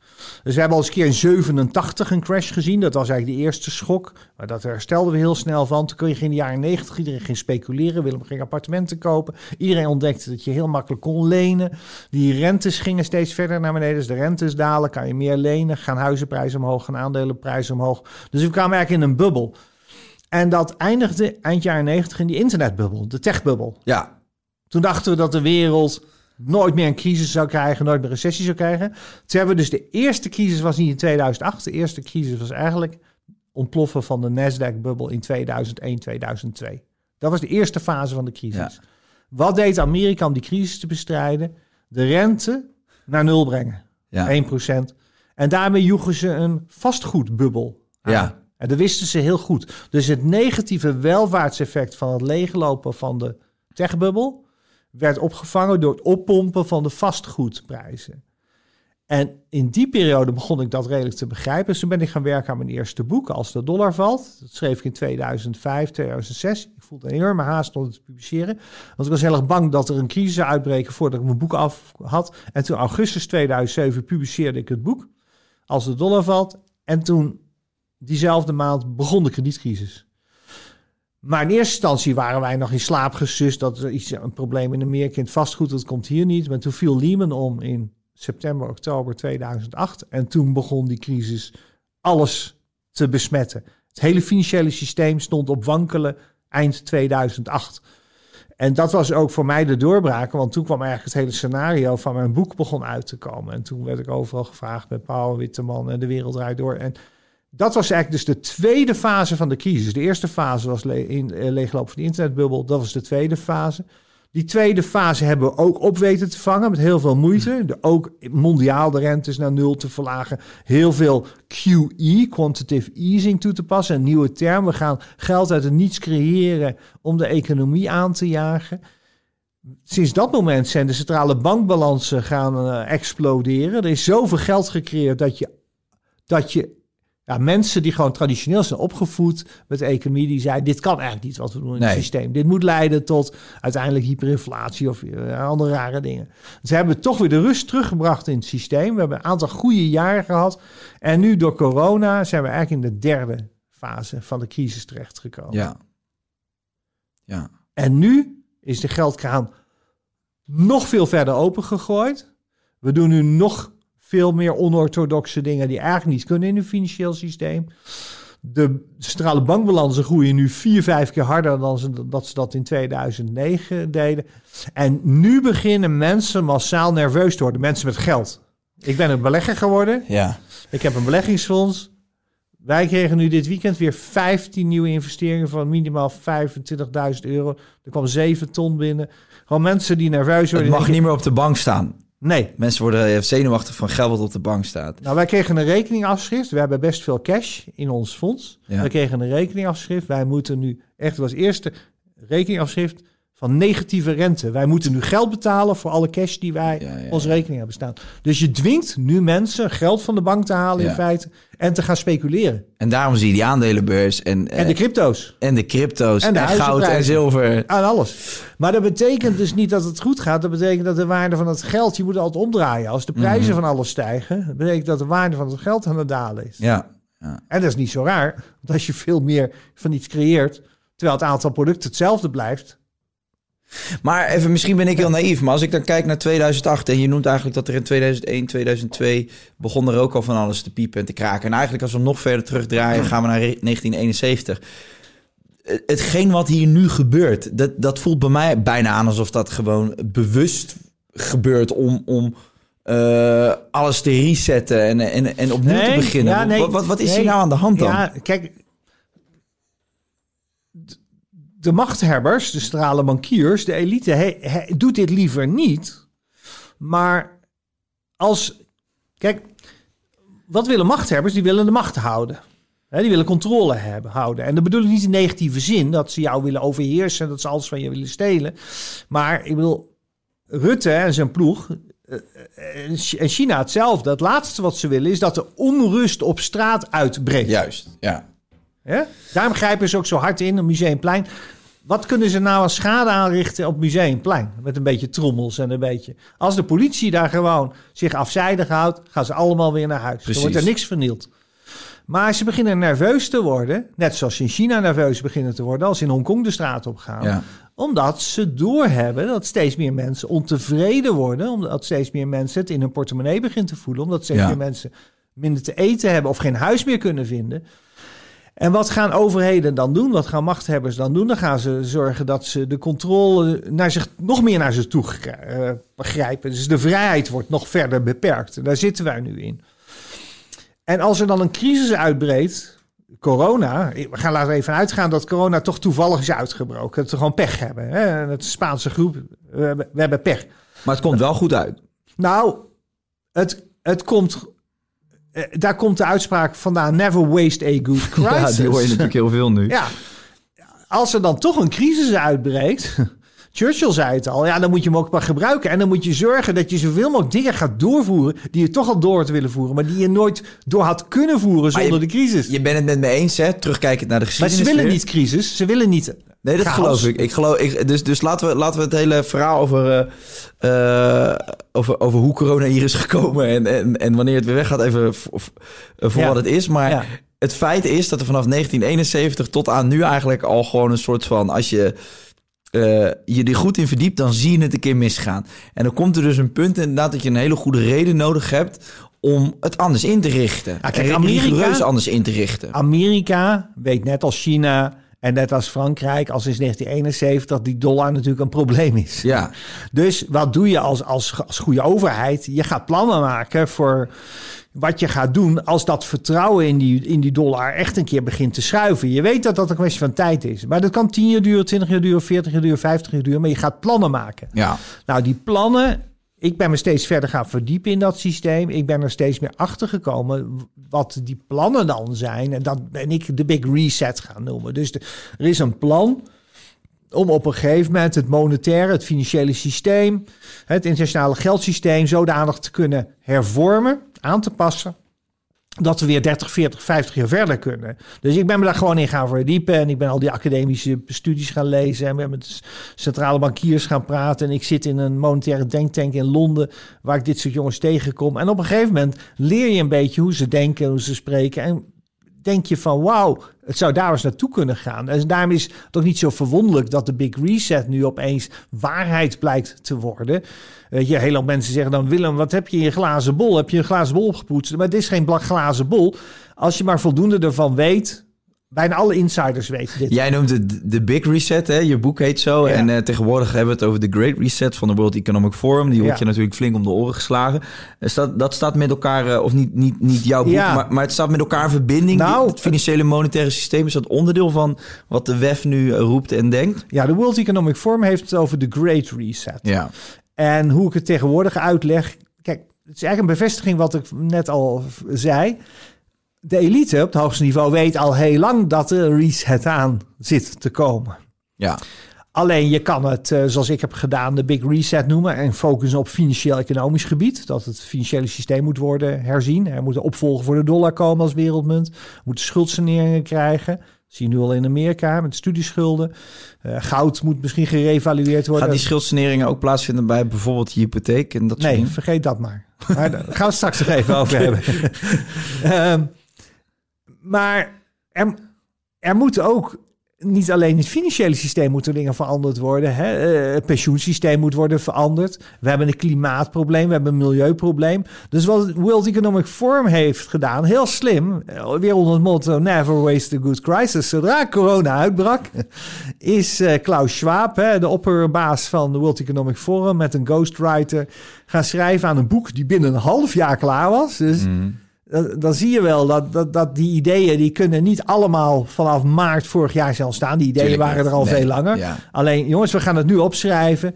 Want eh, Klaus Schwab heeft zelfs gezegd, er is een small and closing opportunity. Yeah, the window, there's a, small but closing window of opportunity om nu grote veranderingen in het En systeem. dat, is, nou, dat vind ik persoonlijk een hele interessante uitspraak. Ja, En ook wel ergens een zorgelijke uitspraak. Want daarin merk je dat alles wat er nu gebeurt... wordt eigenlijk gewoon door dat vat geduwd.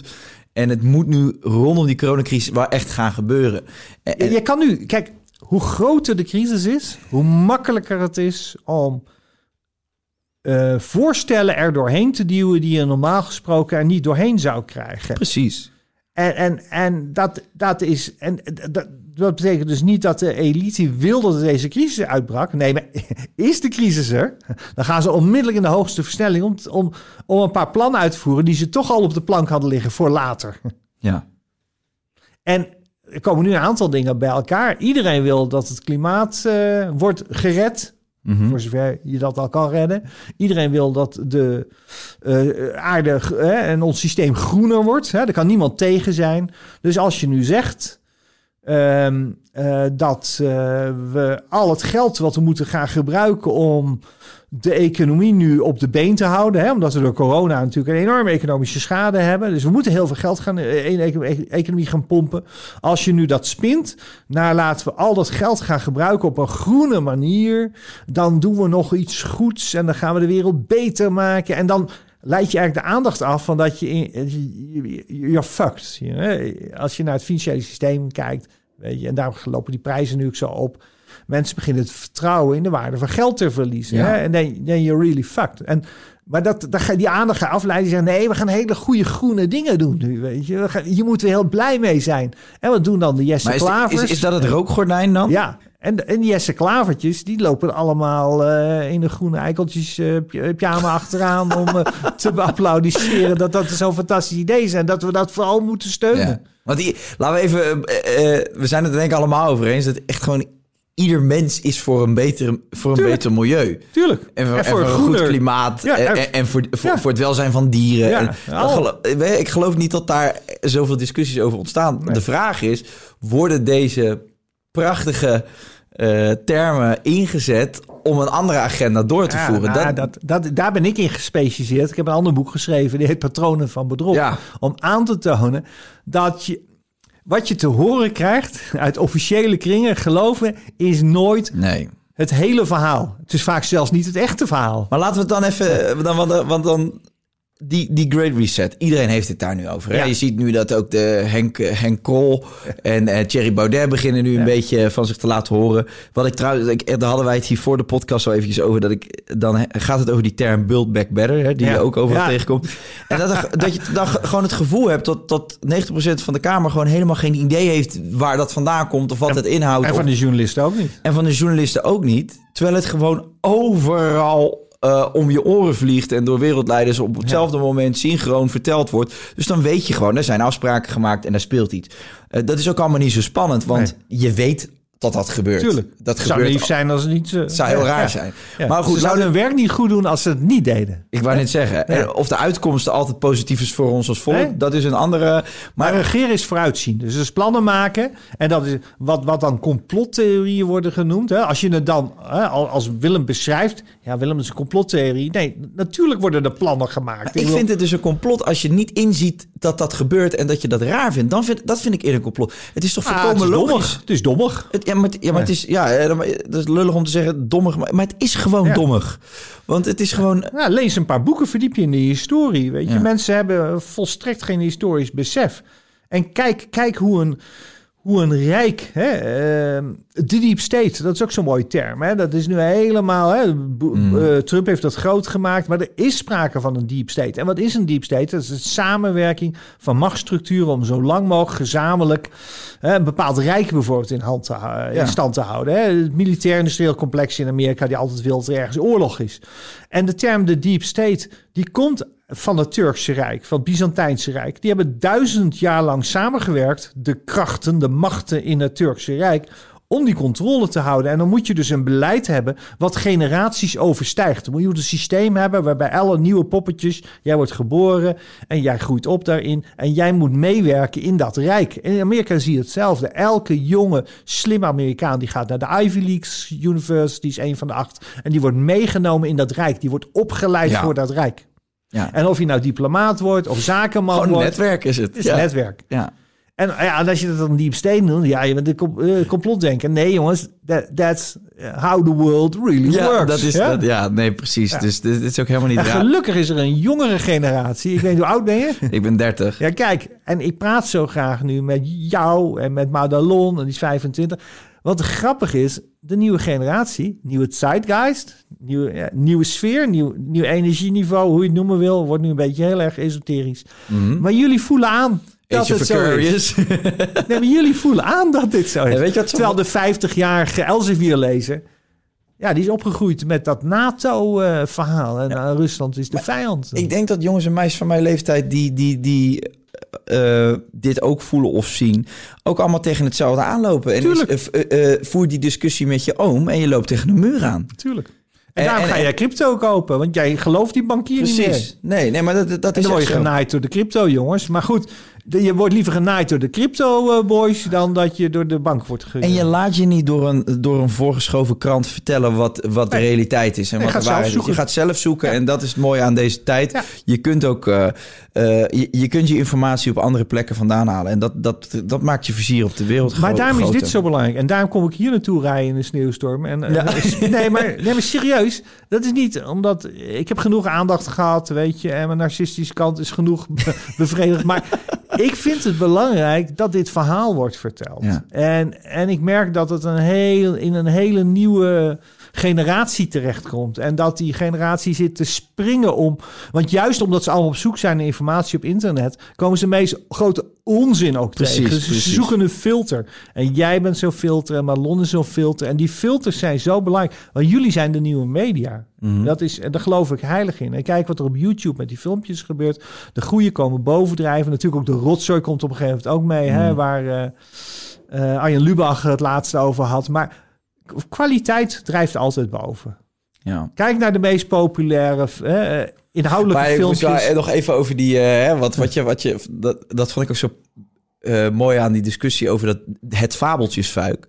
Dat fuik is er altijd, maar dat is er ook aan de andere kant. Ik bedoel, als jij alleen maar iedere dag de, dezelfde nieuwsbronnen zoekt, dan krijg je ook Ja. altijd hetzelfde nieuws. Dus je moet sowieso proberen een beetje van dit, een beetje van dat. En dan Ja. moet je kijken wat resoneert met je gevoel. En, eh, eh, Dat is belangrijk inderdaad. Durf, Autonoom durf denken. Je, en durf je gevoel te vertrouwen. Durf je, durf je onderbuik te vertrouwen.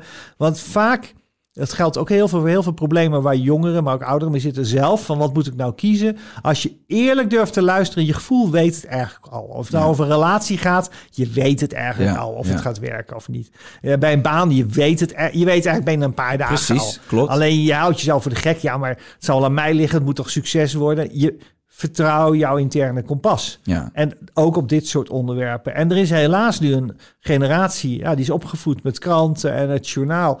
En die hebben een heel andere referentiekader dan jongeren die niet naar kranten omkijken, die het journaal nog nooit hebben gezien, wij spreken. En die leven op dit moment in volstrekt verschillende werelden. We kijken letterlijk naar twee verschillende schermen. Ja. En dat is echt, eh, Ja, letterlijk. er- het is echt Letterlijk ook. Ik heb echt goed met goede Ja. vrienden op dit moment. Eh, ook gewoon wel echt discussies. En dat je denkt, ja, maar wij gaan er gewoon niet uitkomen. Want wij hebben allebei twee Nee. andere informatiebronnen. Ja, maar, maar dan moet je. Ik, ik ben al heel lang opgehouden dit soort discussies met vrienden of familie. Dan moet je gewoon gezellige dingen meedoen. Ja, ja. Maar vooral niet over moeilijke onderwerpen gaan Nee. hebben. Hey Willem, we Ja. kunnen hier uren over doorleren. Ja. Maar ik wil eigenlijk nog even een paar onderwerpen wil ik even eh, strak hebben. En dan moet ik misschien een beetje eh, er doorheen, want we zitten bijna op een uur. Maar dan gaan we, laten we even gewoon kort beschrijven. Wat gaat die Great Reset die nu vanuit hè, de World Economic Forum, maar dus, daardoor waarschijnlijk dus ook gesteund door wereldleiders. ehm, wat gaat dat specifiek betekenen de komende tien jaar als dat helemaal zo wordt uitgerold zoals het nu staat in jouw optiek? Daarna ik even naar crypto's. En dan wil ik eigenlijk ook nog wel eventjes naar eh, hè, eh, jonge kijkers misschien, misschien ook oudere kijkers. Iedereen is welkom. Ja. Eh, stel je voor dat je een vermogen hebt van 10.000 euro, 5.000 euro, maakt niet uit. Of maak er voor jezelf 100 euro van. Wat gaan we daarmee doen? Dus Ja. laten we die Ja. onderwerpen nog even aantikken. Maar we beginnen even, met- dan kunnen we die afsluiten. Eh, De Great Reset, World Economic Forum. Wat, wat gaat dat specifiek inhouden voor ons, denk jij? Ja, ik heb dat nou een jaartje of tien bestudeerd en ik weet het niet. Top, volgende onderwerp. Nee, maar. nou, je, je hebt Eh, nee, maar ik ben, dat is serieus. Mhm. Maar. ehm, kijk, Klaus Schwab, die eh, ligt wel een, eh, een doekje op. En die zegt. eh, eh, alle systemen die we in de 20e eeuw hebben opgezet. Die, die voldoen niet meer. Hm. Dat, is natuurlijk, dat is natuurlijk wel scary shit. ja. En, en ik heb natuurlijk, ik heb tien jaar over die Big Reset nagedacht. Ik heb twintig jaar over het financiële systeem nagedacht. Dus als ik dat vertaal naar het financiële systeem, waar ik wat meer van weet, dan denk ik van ja, eh, hij, hij, heeft, hij heeft gelijk. Hij snapt precies waar het over gaat. Want dat systeem, wat we in Bretton Woods hebben opgezet in 1944, dat voldoet inderdaad niet meer. Nee. En daar gaat mijn boek over. Dus hoe kunnen we over naar een nieuw financieel systeem? Dus dat is onderwerp 1. Dus als je daar meer van wil weten, lees de Big Reset gratis te downloaden op onze website. Hè. Google even op de Big Reset PDF, vind je hem zo. Is 6, 7 jaar oud, maar is nog steeds een actueel verhaal. Maar hij wijst er ook op Ehm, dat we natuurlijk uh, in het klimaatsysteem en het energiesysteem. En we hebben de EV-revolutie, electric vehicles. Hè, dus, mm -hmm. dus alles moet vergroend worden, alles moet verduurzaamd worden. Dus daar wijst hij ook op dat dat systeem anders moet. Um, uh, dat spreekt me ook aan, want ik heb ooit een boek geschreven, heet de Tesla-revolutie. Dat gaat heel erg over die wereld. Want ja, de wereld van energie vind ik mateloos ja. interessant. Is een wat technischer boek, uh, via bol.com te kopen, ook in het Nederlands. Maar dat vind ik heel interessant. Maar hij wijst daarnaast ook op andere. Hij wijst eigenlijk op alle systemen. Het sociale contract moet worden veranderd. Wat sociaal contract? Ja, ik geef jou geld en daar werk je voor. Maar er wordt nu misschien, ik geef jou geld als een universal basic income. Um, en ja, daar hoef jij in principe niets voor te doen. Maar dat universal basic income, dat heeft er toch gewoon mee te maken met dat we eigenlijk ook die, die, die hele revolutie van de automatisering, et cetera. Uh, we krijgen straks, en dit klinkt heel hard wat ik ga zeggen, maar we krijgen straks te maken met een situatie waarin eigenlijk de onderkant van uh, de maatschappij, of hoe je het wil zeggen, ja, of, of, ja. of, de werkende mensen, ja. die nu nog in fabrieken worden ingezet, et cetera, helemaal niet meer nodig zijn. Nee, nou dat is een risico, inderdaad. En, en, maar maar is, daarom, ik denk, ik denk dat zo uh, universal basic income ook gespind gaat worden. Hè? We, hebben, we hebben dat nodig in de revolutie van hoe er wordt gewerkt. Maar vergeet ook niet dat er hele grote groepen zijn, zeg maar Sub-Sahara, of begint eigenlijk al in Marokko. Mhm. Die gewoon, ja, die, waarom doen ze zo moeite om allemaal hier te komen? Je bent honderd keer beter af hier met een vage uitkering of een illegaal baantje, dan dat je daar uh, boven op een kale berg zit. Ja, en, ja we moeten ook een antwoord hebben op, op wat gaan we met mensen doen die niet in ons economisch systeem nu mee kunnen draaien. Ja. Maar is, is, is, is, is de goede ontwikkeling of slechte ontwikkeling? Basic income. Ja, ik vind het een. Um, sociaal gezien is het een goede ontwikkeling. Waar ik alleen een beetje bang voor ben, is dat je hebt altijd in ons systeem heel veel secundaire, ter, tertiaire, heel veel effecten die in een tweede en derde golf optreden. Dus stel, ja. jij geeft iedereen 800 euro. Iedereen. Ja. ja. Ja, wie gaat er dan nog een schoonmaakbaantje nemen, uh, part-time, die 800 euro oplevert? Mm -hmm. Dus je krijgt allemaal van die effecten dat mensen. Je weet niet hoe mensen zich gaan gedragen. Maar stel, stel je mensen. Het voorbeeld wordt vaak gegeven. Hè? Stel je zorgt ervoor dat mensen in Afrika, Sub-Sahara. meer geld krijgen. Ook een universal basic income. Dan zijn, waarschuwen sommige mensen. Wat er dan gaat gebeuren is dat uh, het geld wordt bij elkaar gespaard. Om vervolgens de mensensmokkelaar te betalen. om naar een land te gaan waar ze het beter kunnen krijgen. Dus wordt dat geld geïnvesteerd in het eigen land of wordt het gebruikt om, om toch weer te gaan vluchten? Weten we allemaal niet. Nee. En we hebben dit nog nooit meegemaakt. Dus, dus de gevolgen daarvan, hè, dus de secundaire en tertiaire effecten in mooie woorden, die kennen wij niet. Maar dat het een big shift gaat geven op, op, op veel gebied. Uh, dus ik, ik vind het heel erg moeilijk. Ja, ik denk, ik, denk, ik denk dat we dit, daar ook pas een goed antwoord op kunnen geven op het moment dat het is ingevoerd. En ja, laten we daar een aparte uitzending. Laten we daar ja, wij, nog eens op terugkomen. We moeten nog even terug naar de... Wat ik jou hoorde zeggen bij Madelon Vos vond ik heel interessant. Het die, uh, daar ging het ook over de Great Reset. En op een gegeven moment hadden jullie ook volgens mij een discussie over de termen... You own nothing and you will be happy. Hè? Dat, ja, uh, dat zegt World Economic Forum. Ja, hè? Dat boezemt heel veel mensen angst in. Ja. Uh, mij enigszins ook wel, maar tegelijkertijd... Nee, ik snap hem ook wel. Er is ook een positieve kant. Ja, begon je... En dat vond ik heel interessant. Daar heb jij ja. mij wel een beetje mee geholpen om dat wat meer lucht ja. te geven. Jij zei van... We, we, we, leven eigenlijk al in een wereld waarin we heel veel leasen. En ja. eigenlijk, eigenlijk is je huis vaak je enige eigendom nog. En veel mensen huren dat ook al. Uh, ja. Om, om, voor de mensen die heel bang zijn voor die uitspraak, om daar wat, wat die uitspraak wat lucht te geven, kan je dat nog eens kort uitleggen? Ja, ik, ik, denk niet, je moet dat niet zien als een dictatoriaal uh, teken dat alles van je wordt afgenomen en dat we slaaf worden gemaakt. We zijn natuurlijk eigenlijk al slaaf in het systeem. Want Tuurlijk. geef iemand een huis en een hypotheek en dan moet 30 jaar voor je werken. Klopt. En wordt een brave burger. Dus dat, dat heeft ook heel goed gewerkt in ons sociale contract. Ja. Um, maar inderdaad, ik denk dat ze veel meer bedoelen dat we naar een circulaire economie gaan, dat we naar een economie gaan Het heeft geen zin om een auto te kopen die 90, 95 procent van de tijd stilstaat. Um, je eten haal je op een andere manier in huis. Dus die, die, dat, dat, dat zijn ook allemaal reset-achtige bewegingen. ik, ik stel mensen ook vaak gerust door zeggen, wees nou niet bang dat er op een zondag in 2000, december 2022 de grote reset komt. Nee, het is een proces. Oh, in 2030 kijk je terug, zeg je, fuck, de afgelopen tien jaar is er wel heel erg veel veranderd. Mm. En dat noemen we, het is natuurlijk een marketing, je, een boek heeft een titel nodig, The Big Reset. Klinkt natuurlijk leuk. Als ik zeg, de komende uh, tien jaar gaat er veel veranderen in ons systeem, ja, koopt niemand dat boek. Dus uh, je moet ook een beetje door die marketingtaal soms heen kijken. Ik spreek dan mensen die, die zijn bang. Hè? Uh, je ziet de term als van uh, we gaan alle schulden aflossen en bla bla bla. Dat ze dan zeggen van ja, je hebt dadelijk een hypotheek. En dan zeggen ze joh, wij lossen die schuld van je af. Maar je kan het huis vervolgens weer van ons huren. Is, ja, is dat nou, een reële kans? Ja, dat heb ik wel eens als voorbeeld gegeven. Mensen vragen mij vaak inderdaad van moet ik bang zijn voor mijn hypotheek? Moet ik al mijn schulden afbetalen? Ik zeg schulden afbetalen is altijd goed. maar ga niet Nee, maar er zijn mensen die wanhopig proberen een hele hypotheek af te betalen. vind ik een beetje dom, eerlijk gezegd. Wat iedereen van de hypotheek, dat hypotheekgeld is eigenlijk uit het niets gecreëerd. Hè? Dat is niet het, je brengt niet je buurman in gevaar als jij je hypotheek niet aflost. Dat is niet je buurman dan zijn spaargeld kwijt is.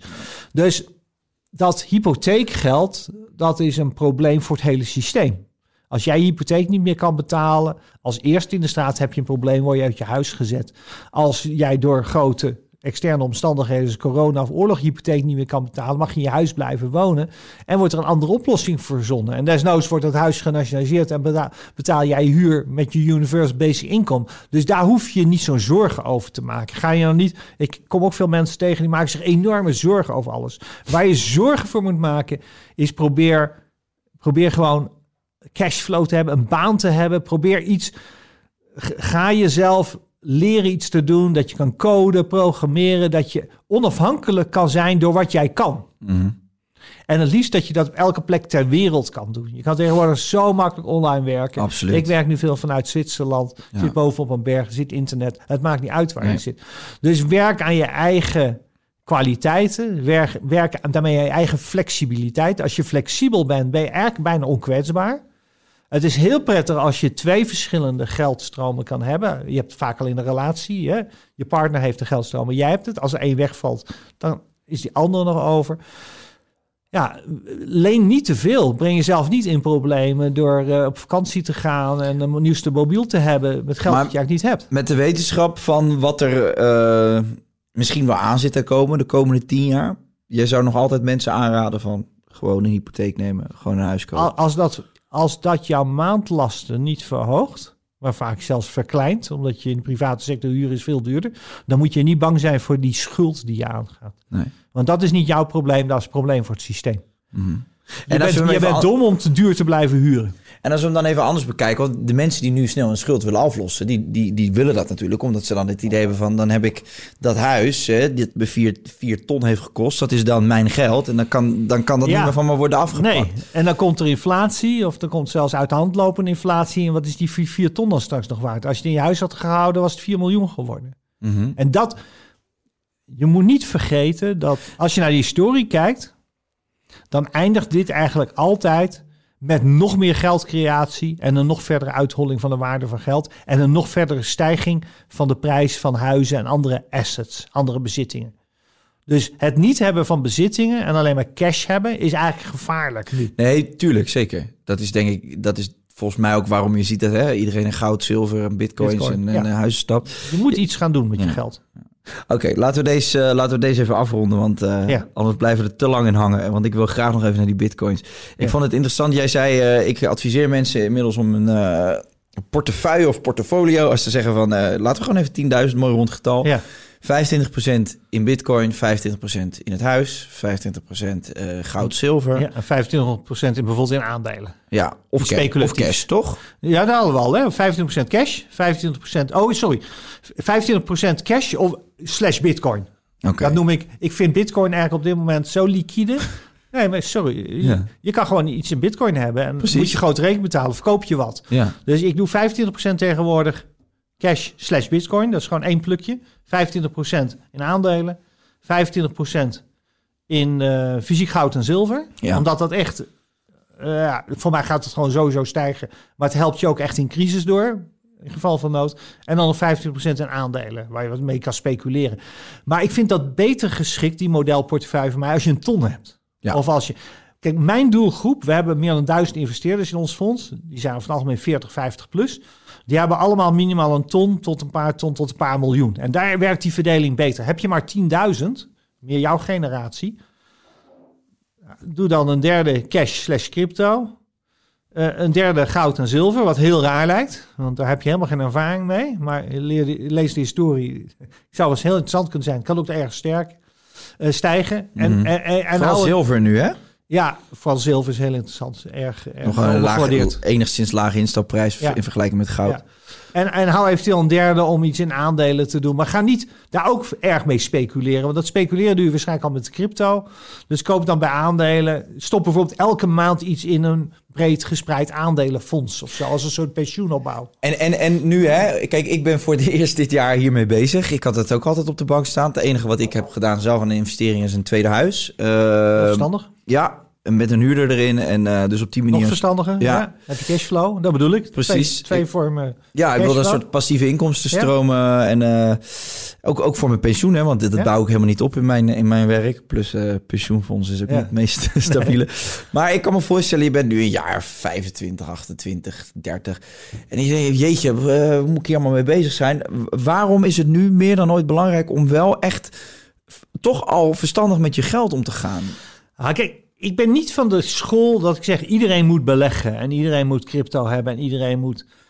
Als jij er zo lang bij voelt om gewoon jouw baan te hebben en die gaat gewoon op aan jouw levensonderhoud en eh, eh, je bent niet zo heel erg bezig met later. Ja, voor mij hoeft niet iedereen een financieel dier te zijn die continu die beurskoers volgt. En Nee, maar stel je voor dat je die 10.000, je hebt, hem, je hebt hem liggen en je hebt hem niet nodig nu. Ja, Dus hij staat op de bank, daar heb Ja. je voor gespaard. Je hebt zoiets, Ja. nou, dan koop ik ooit een mooie scooter van. Ja. Of, eh, Nou, dan zou ik het nog simpeler maken. Gewoon vergeet die aandelen. Want dat is echt. Aandelen moet je alleen kopen als je echt met een financieel plan bezig bent ja, voor later. doe ik ook niet overigens. Nee. Dat vind ik te lastig. Gewoon een, een derde cash, een derde bitcoin, een derde zilver. Ja. En nou is die... En dan maken we het heel simpel. Nee, dat vind ik, maar dat, is echt- fijn. Maar, en dan heb je, Ook voor heb mij. je kans op heel veel rendement Ja. zonder heel veel risico. Ja. Want dat zilver is super goedkoop. Die crypto, als je ziet wat daar gebeurt, en alleen bitcoin, hè, dus niet crypto, gewoon bitcoin kopen. Het is natuurlijk veel speculatiever, maar gaat veel harder omhoog. En ik denk dat we nog heel veel hoog gaan. En je hebt die cash on the side. En dat is misschien over, over een jaar 2% minder waard. Maar goed, Maar dit, dit, is, dit, is, dit is ook een hele fijne, want zo, zo, zo maak je het voor heel veel mensen Ja. inzichtelijk. En eh, nogmaals, ik had er echt tot een jaar geleden echt de ballen verstand van. Dus voor mij is het heel prettig om Ja. dat ook een beetje zo als een puzzeltje neer te leggen. Ehm, en het is gewoon leuk om ermee bezig te zijn. Ik ben nu voor het eerst Ja. met crypto's bezig. Bitcoin, eh, XRP en eh, Ethereum zit ik zelf in. Ehm, ik doe niet traden, dus ik, ik, heb, Nee. ik zet het er gewoon in. En ik heb een, een stukje spaargeld dat ik had, waarvan ik denk, ik kom daar nu niet aan. Het staat of op de bank. Ik zet het lekker in die bitcoins. Jij zegt ook Ja. al, het blijft eigenlijk cash, want ik kan het morgen uitcashen en gewoon gebruiken. Dus eh, ik vind dat het super... probeer wel wat winst te nemen als dingen extreem oplopen. Hè? Zeker de maar wat is niet-bitcoin. extreem? Wat is extreem? Want nou, je, je weet niet meer... Jawel, want we hebben een paar eh, rallies gehad. Een paar cycles inmiddels. We hebben het voordeel dat we in de laatste 10, 12 jaar... een paar cycles hebben gehad in bitcoin. Je waardoor je eigenlijk weet dat als het procentueel zoveel procent is opgelopen... eh, en er zijn een paar goede mensen om te volgen online. Hè, Madelon, maar Plan B. Hè, op Twitter is ook zo'n voorbeeld. Er zijn gewoon waarderingsmodellen waarbij je eigenlijk weet... het begint nu gevaarlijk te worden. Nou, Bitcoin zit halverwege die run. Eh, je moet gewoon kijken wat, wat gebeurde er tijdens die vorige beweging. En dat, dat is een goede guide. Want we hebben al te vaak meegemaakt dat mensen aan het eh, hoddelen zijn. Hè, hold on for dear life. En vervolgens weer 80% erin mee naar beneden maken. Mhm, Dus bouw een beetje af als je heel veel winst hebt. Ja. En, koop dan bijvoorbeeld zilver daarvan. Maar je hebt, eh, als je dan, hè, ik kijk ook al die video's en het zijn tegenwoordig schreeuwende titels. Misschien kan ik eh je Ja. ook nog wel die uitspraak ontlokken dat ik die ook in de titel kan zetten. Eh, Bitcoin einde van het jaar. Zilver gaat naar 100 dollar. Ja, 100.000 dollar. Eh 2 miljoen dollar voor Bitcoin. Ja. Dus, dus je zit natuurlijk te kijken. Nou, ik denkt, denk wel dat bitcoin naar een miljoen gaat. Ja, Maar in, in 2025 of zo. Ja niet dit jaar. Maar sneller, eh, sneller, sneller dan je denkt. Oké, stel je voor, er zitten nu mensen te kijken die zeggen: Ik heb 500 euro. Hè, gewoon even een, Ja. een bedrag van 500 euro heb ik nu niet nodig. Hoef ik niet aan te zitten en ik ben bereid het ook te verliezen. Ik zet die 500 euro nu op een bitcoin. Dat, Ja. is, dat is nog steeds een verstandige Ah, beslissing, toch? Als het geld is wat je kan missen, waar je hoog eh, opwaarts potentieel wil hebben, dan is Bitcoin op dit moment het meest interessant. Want dan kijken we in onze wereld, wat is, wat is het snelste paard? Wat is op dit moment gewoon het snelste paard? Nou, het afgelopen jaar, eigenlijk de laatste tien jaar, is Bitcoin gewoon het snelste paard. Nu even Dodge misschien. Ja, nee, maar dat, dat is niet blijvend. Nee, maar, dat, maar van de serieuze, wat wij serieuze asset classes noemen, hè, dus of het nou zilver is, of een aandeel, of een munt of zo. Of een, Bitcoin is gewoon het snelste paard. En er is zeker nu er allerlei institutionele partijen en de echt grote rijke jongens gaan nu meedoen met Bitcoin. Hè, dat is nieuw, hè? De echt Precies, grote. ja. En je ziet het gewoon aan de supply die af begint te nemen. Ik denk dat Bitcoin, dat, snel, dat snelste paard van de afgelopen tien jaar, is niet, het is niet aannemelijk dat hij opeens veel minder hard gaat lopen. En als bitcoin loopt, dan lopen alle altcoins Juist. lopen mee. Rising tide lifts all boats. En dat gaat altijd weer. Dan gaat de rots ook mee omhoog. Maar het probleem is dan, denk je van, ik zit goed, want dit gaat omhoog, maar je hebt, bent bezig met de rotzooi, hè? Ja, ja. Maar stel, het eind 2021 gewoon leuk, omdat iedereen vindt dit toch het leukste om over te speculeren. Frans, wat staat de Ja. bitcoin, denk jij? Eind 22. uit En of 21. 21, dit jaar. Eh, 100.000. dollar. Ja. Dus stel je voor, hè, jij kan sneller rekenen dan ik. Stel ja. je voor, je zit nu te kijken, je hebt 500 euro. En nogmaals, geen zaakadvies. Het Nee. risico ligt altijd bij jou, Ja. maar het is gewoon leuk om ermee bezig te zijn. Je hebt 500 euro, die stop je er nu in. Nou, dan krijg je... Maar het is maar een verdubbeling, hè? 100.000. Klinkt heel ver. Dus, eh, dan gaat het is maar een drie. Dus verdubbeling. dan heb je 1500 euro. Nou, nee, we staan al 40. We staan bijna 40. Ja, precies. Ja, ja, Dus ja is precies. dollar. Ja. Nee, ja, dus je kan van die 500 Maar maken. in 2022, dat vind ik nu interessanter. Hè? We kijken altijd in de financiële wereld. Hè? Vaak bewegingen die duren ietsje langer. Dus ja, ik zou het heel raar vinden als we eind 2022 onder de 250.000 staan. Ja, waanzinnig. Waanzinnig. En dat is wel mal zes.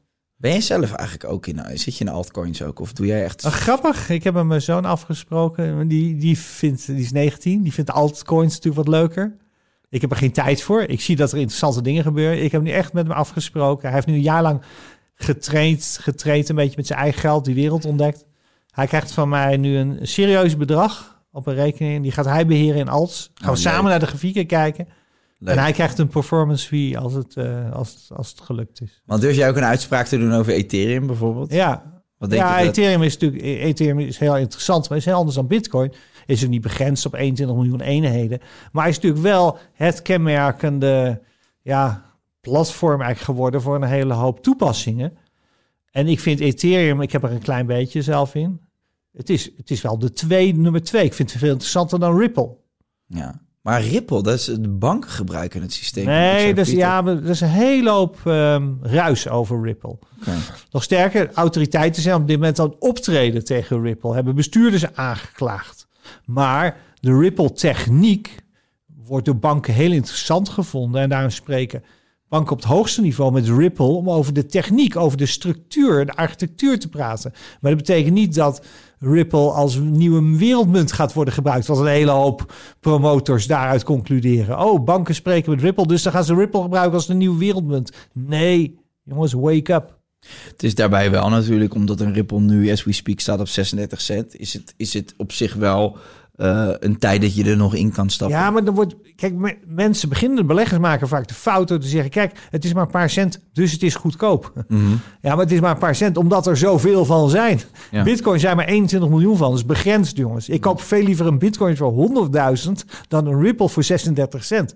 Maar de, de niet zo professionele belegger die denkt: van 36 cent kan die nog naar 100.000 gaan. Ja, ja. Maar het is veel veiliger om iets te kopen van 100. Ik vind Bitcoin nu veiliger op dit niveau dan het zeg maar acht jaar geleden was op 100 dollar. Want toen was nog niet duidelijk of het een succes zou Nee, worden. dat ben ik met je eens, ja. Hè? Ja, en wat ook wel grappig is online, hè, want ik Ja. moet mijn informatie ook bij eh, anderen vandaan halen, omdat ik er zelf gewoon te weinig van snap op dat gebied. Maar de- je ziet dus, iedereen heeft ook een beetje zijn eigen coin, hè, die die Ja. support. Dus Ja, je hebt de, de, de, de, de Ethereum Army en je hebt de mensen die eh, blind gaan op Ripple en dan heb je Litecoin nog, hè, dat is zilver van. Maar Bitcoin is in ieder geval, uiteindelijk is Bitcoin, als Bitcoin stijgt, stijgt alles een beetje Juist. mee in de slipstream. Dus, Maar eh, doe dan de helft in bitcoin, of twee derde. En eh, ga dan met de andere helft of een derde speculeren in de alts. maar is, het, is het mogelijk dat een Ethereum eh, 15.000 dollar bereikt dit jaar? Nee, ik, nee ik, vind- dat vind ik echt heel hoog. Ja, alles kan. Als we weer zo gek te krijgen als 2017, dan kan het. Oké. Maar, Maar je, je, maar goed, als ik naar mezelf kijk, is zeg maar dan toch eh 90% van mijn geld op bitcoin, 10% op de alt. Ja. ja. Die bitcoin, hè? Ja, Wie zit er nou achter? ja, niemand die het weet, maar het is een geniale uitvinding. Maar het mooie is natuurlijk van bitcoin, dat is anders dan bij Ripple. Mm. Er is geen directie, er is geen uitgevende partij, er is geen management. Dat is het geniaal van Bitcoin. Het is gecreëerd en het bestaat bij de gratie van de creatie. En de rest is aan ons. En dat is, dat is fascinerend als concept. En ik kom natuurlijk uit die financiële wereld waar 400.000 miljard in rondklotst. En ik zie gewoon dat de rijkste mensen op aarde nu Bitcoin serieus als asset class gaan toevoegen aan hun portefeuille Maar- van 10 miljard. Hè? Maar kunnen we... Niet Kunnen... van, van 1000, Is- maar een portefeuille van 10 miljard gaan ze gewoon Bitcoin nu aan toevoegen. Ja, ik, ik zag dat die gozer die, eh, van Goldman Sachs, die, eh, die had volgens mij 80% van zijn vermogen in, eh, in bitcoins gestopt. ja. MicroStrategy. ja. Michael Saylor. Ja, ja dit, eh, oh, je bedoelde Rauw Paul. Die, dat Dus, sorry, ja, dat, is hem, Sachs man. dat is hem toch? Ja, Dat hem. inderdaad. Ja. 80% van zijn vermogen. Irresponsibly long noemt hij het. Maar kijk, die jongen die is binnen. Die woont op een eiland eh, op de Bahama's. Ja. Ja, die heeft gewoon genoeg fuck you money. En die zegt, ja, ik geloof hier zo in. En, maar het is, echt, het is inderdaad een van de allerslimste mensen uit, uit de hedgefund-wereld. Dus dat zegt je wel wat. Precies. Ja. Maar eh, ik ga niet zo ver. Maar ik heb heel duidelijk mijn weging opgehoogd. Het begon met 5%. En ik ben, eh, ja, ik ben serieus aan het bijkopen. Ja. Ja, super interessant. Is, is het crypto's in het algemeen, is het nou een middelvinger richting eh, de bestaande systemen? Of is dit gewoon iets waar de bestaande systemen straks in meegaan? Wat, wat, wat, wat, is, wat is het? Hoe moeten we er nou eigenlijk naar kijken? Ja, Voelt een beetje ja. als piraterij, maar Ja. tegelijkertijd ja, is maar nu... dat is het ook. Dat is het ook. De, de bestaande financiële wereld weet bij God niet wat ze hiermee aan moeten. nee, serieus. Wat op zich wel weer leuk is om Ja, mee te maken. Nee, toch? heel leuk. Heel leuk. Dus eerst hebben ze erop gescholden en het wordt niks. En eerst hebben we geprobeerd te verbieden. Ze zijn achtergekomen dat het allemaal niet werkt. Nu, nu lijkt het dat if you can't um, beat them, join them. Hè? Ja, Eh, dat precies. is nu het motto. Eh, en maar wat ik hoor is dat van, stel dat een JP Morgan zegt, we vinden het niks, wat ze vorig jaar zeiden. Alle JP Morgan traders zitten er privé wel in. Ja, ja. Maar je ziet nu ook dat de grote jongens, de grote jongens kunnen het niet meer ontkennen. Hè? BlackRock, wat een heel groot beleggingsfonds is, heeft nu eh, een filing ingediend om ook Bitcoin te kunnen gaan toevoegen. Wij zijn er zelf naar aan het kijken.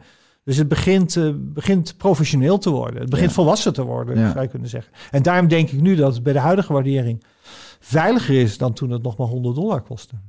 En snap jij ook dat het voor, voor de jeugd, en met die jeugd bedoel ik wel gewoon mensen vanaf een jaar of 18, dat het zoveel leuker is om met bitcoins bezig te zijn dan bijvoorbeeld met aandelen? Het is Ja, spannender. Natuurlijk snap ik dat. Ja, ja het, is, het is spannend, het is snel, het, is, het voelt ook een beetje als, ja, Ja. als iets Ja. van onze tijd of zo, weet je nou, wel. Dat is, dat is heel sterk. En vergeet ook niet, hè, de oude generaties ze hebben rijk, zijn rijk geworden of hebben vermogen op kunnen bouwen door huizen te kopen of aandelen te kopen. En daarbij, de- jullie hebben het gevoel, dat zijn we allemaal te laat mee. Dat is allemaal zo hoog. Klopt, ja, En jullie kunnen vermogen opbouwen met, ja, met jullie asset class. zeker. En ja. tot nu toe is dat ook een hele hoop jongeren gelukt. Ja. En dat vind ik ook heel eerlijk hieraan. Ja. Dat wij, boomers, het niet doorhebben en dan lachen. En terwijl jullie gewoon je zakken zitten te vullen. Jij bent al je stenen, Willem. Ja. Laat die bitcoins lekker voor ons. Ja, mooi.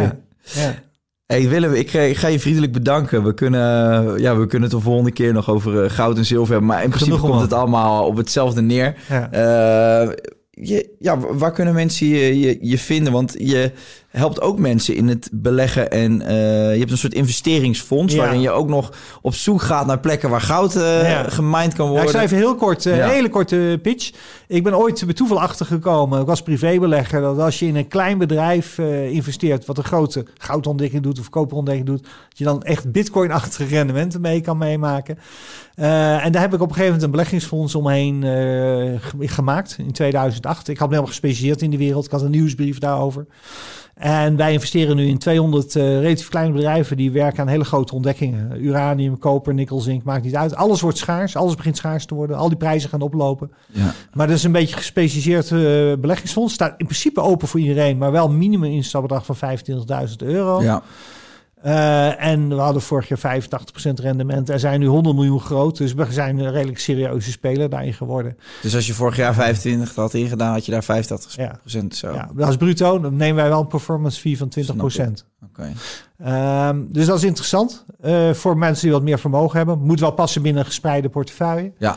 Wij zijn zwaar gereguleerd, AFM, vergunningen, zo allemaal. we moeten allemaal dingen voldoen, voldoen. Maar dat is iets wat ik zelf heel leuk vind. Dat is eh, mijn kindje. Ehm, ik heb het opgezet. Eh, ik bezit 50% van het moederbedrijf. De andere 50% is in handen van bevriende andere investeerders.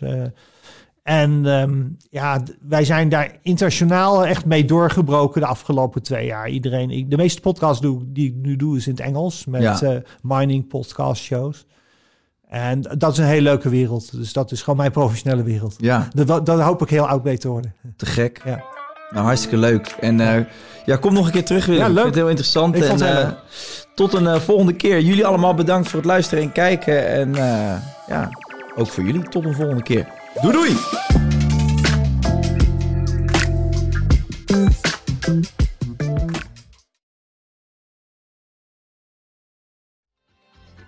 Weet je waar ik zo'n tyfushekel aan heb? Toeristen, als het te druk is in de stad, zelf koken. Ja, alles wat je nu zojuist benoemt. En daarom maken jij, denk Daan Hogevorst, En Robert Rodenburg. een podcast waarin we alleen maar klagen. Want klagen is HET medicijn tegen het collectieve leed wat maandag heet. Dus elke maandagochtend een nieuwe te horen op je favoriete podcast-app. Maandag Klaagdag! Jezus, zingen moeten wij nooit doen. Imagine the softest sheets you've ever felt. Now imagine them getting even softer over time. That's what you'll feel with Bowl and Branch's organic cotton sheets. In a recent customer survey, 96% replied that Bowl and Branch sheets get softer with every wash. Start getting your best night's sleep in these sheets that get softer and softer for years to come. Try their sheets with a 30-night guarantee. Plus, get 15% off your first order at bowlandbranch.com. Code BUTTERY. Exclusions apply. See site for details. Want to get a chiseled look in the jawline? Sculpt and shape your jawline with added volume from Juvederm Volux XC. Juvederm Volux XC is an injectable gel specifically designed to be robust enough to improve moderate to severe loss of jawline definition. And it is the first and only hyaluronic acid filler approved for the jawline. Add volume to your jawline for a chiseled look with Juvederm Volux XC. For important safety information and to find a licensed specialist, visit juvederm.com.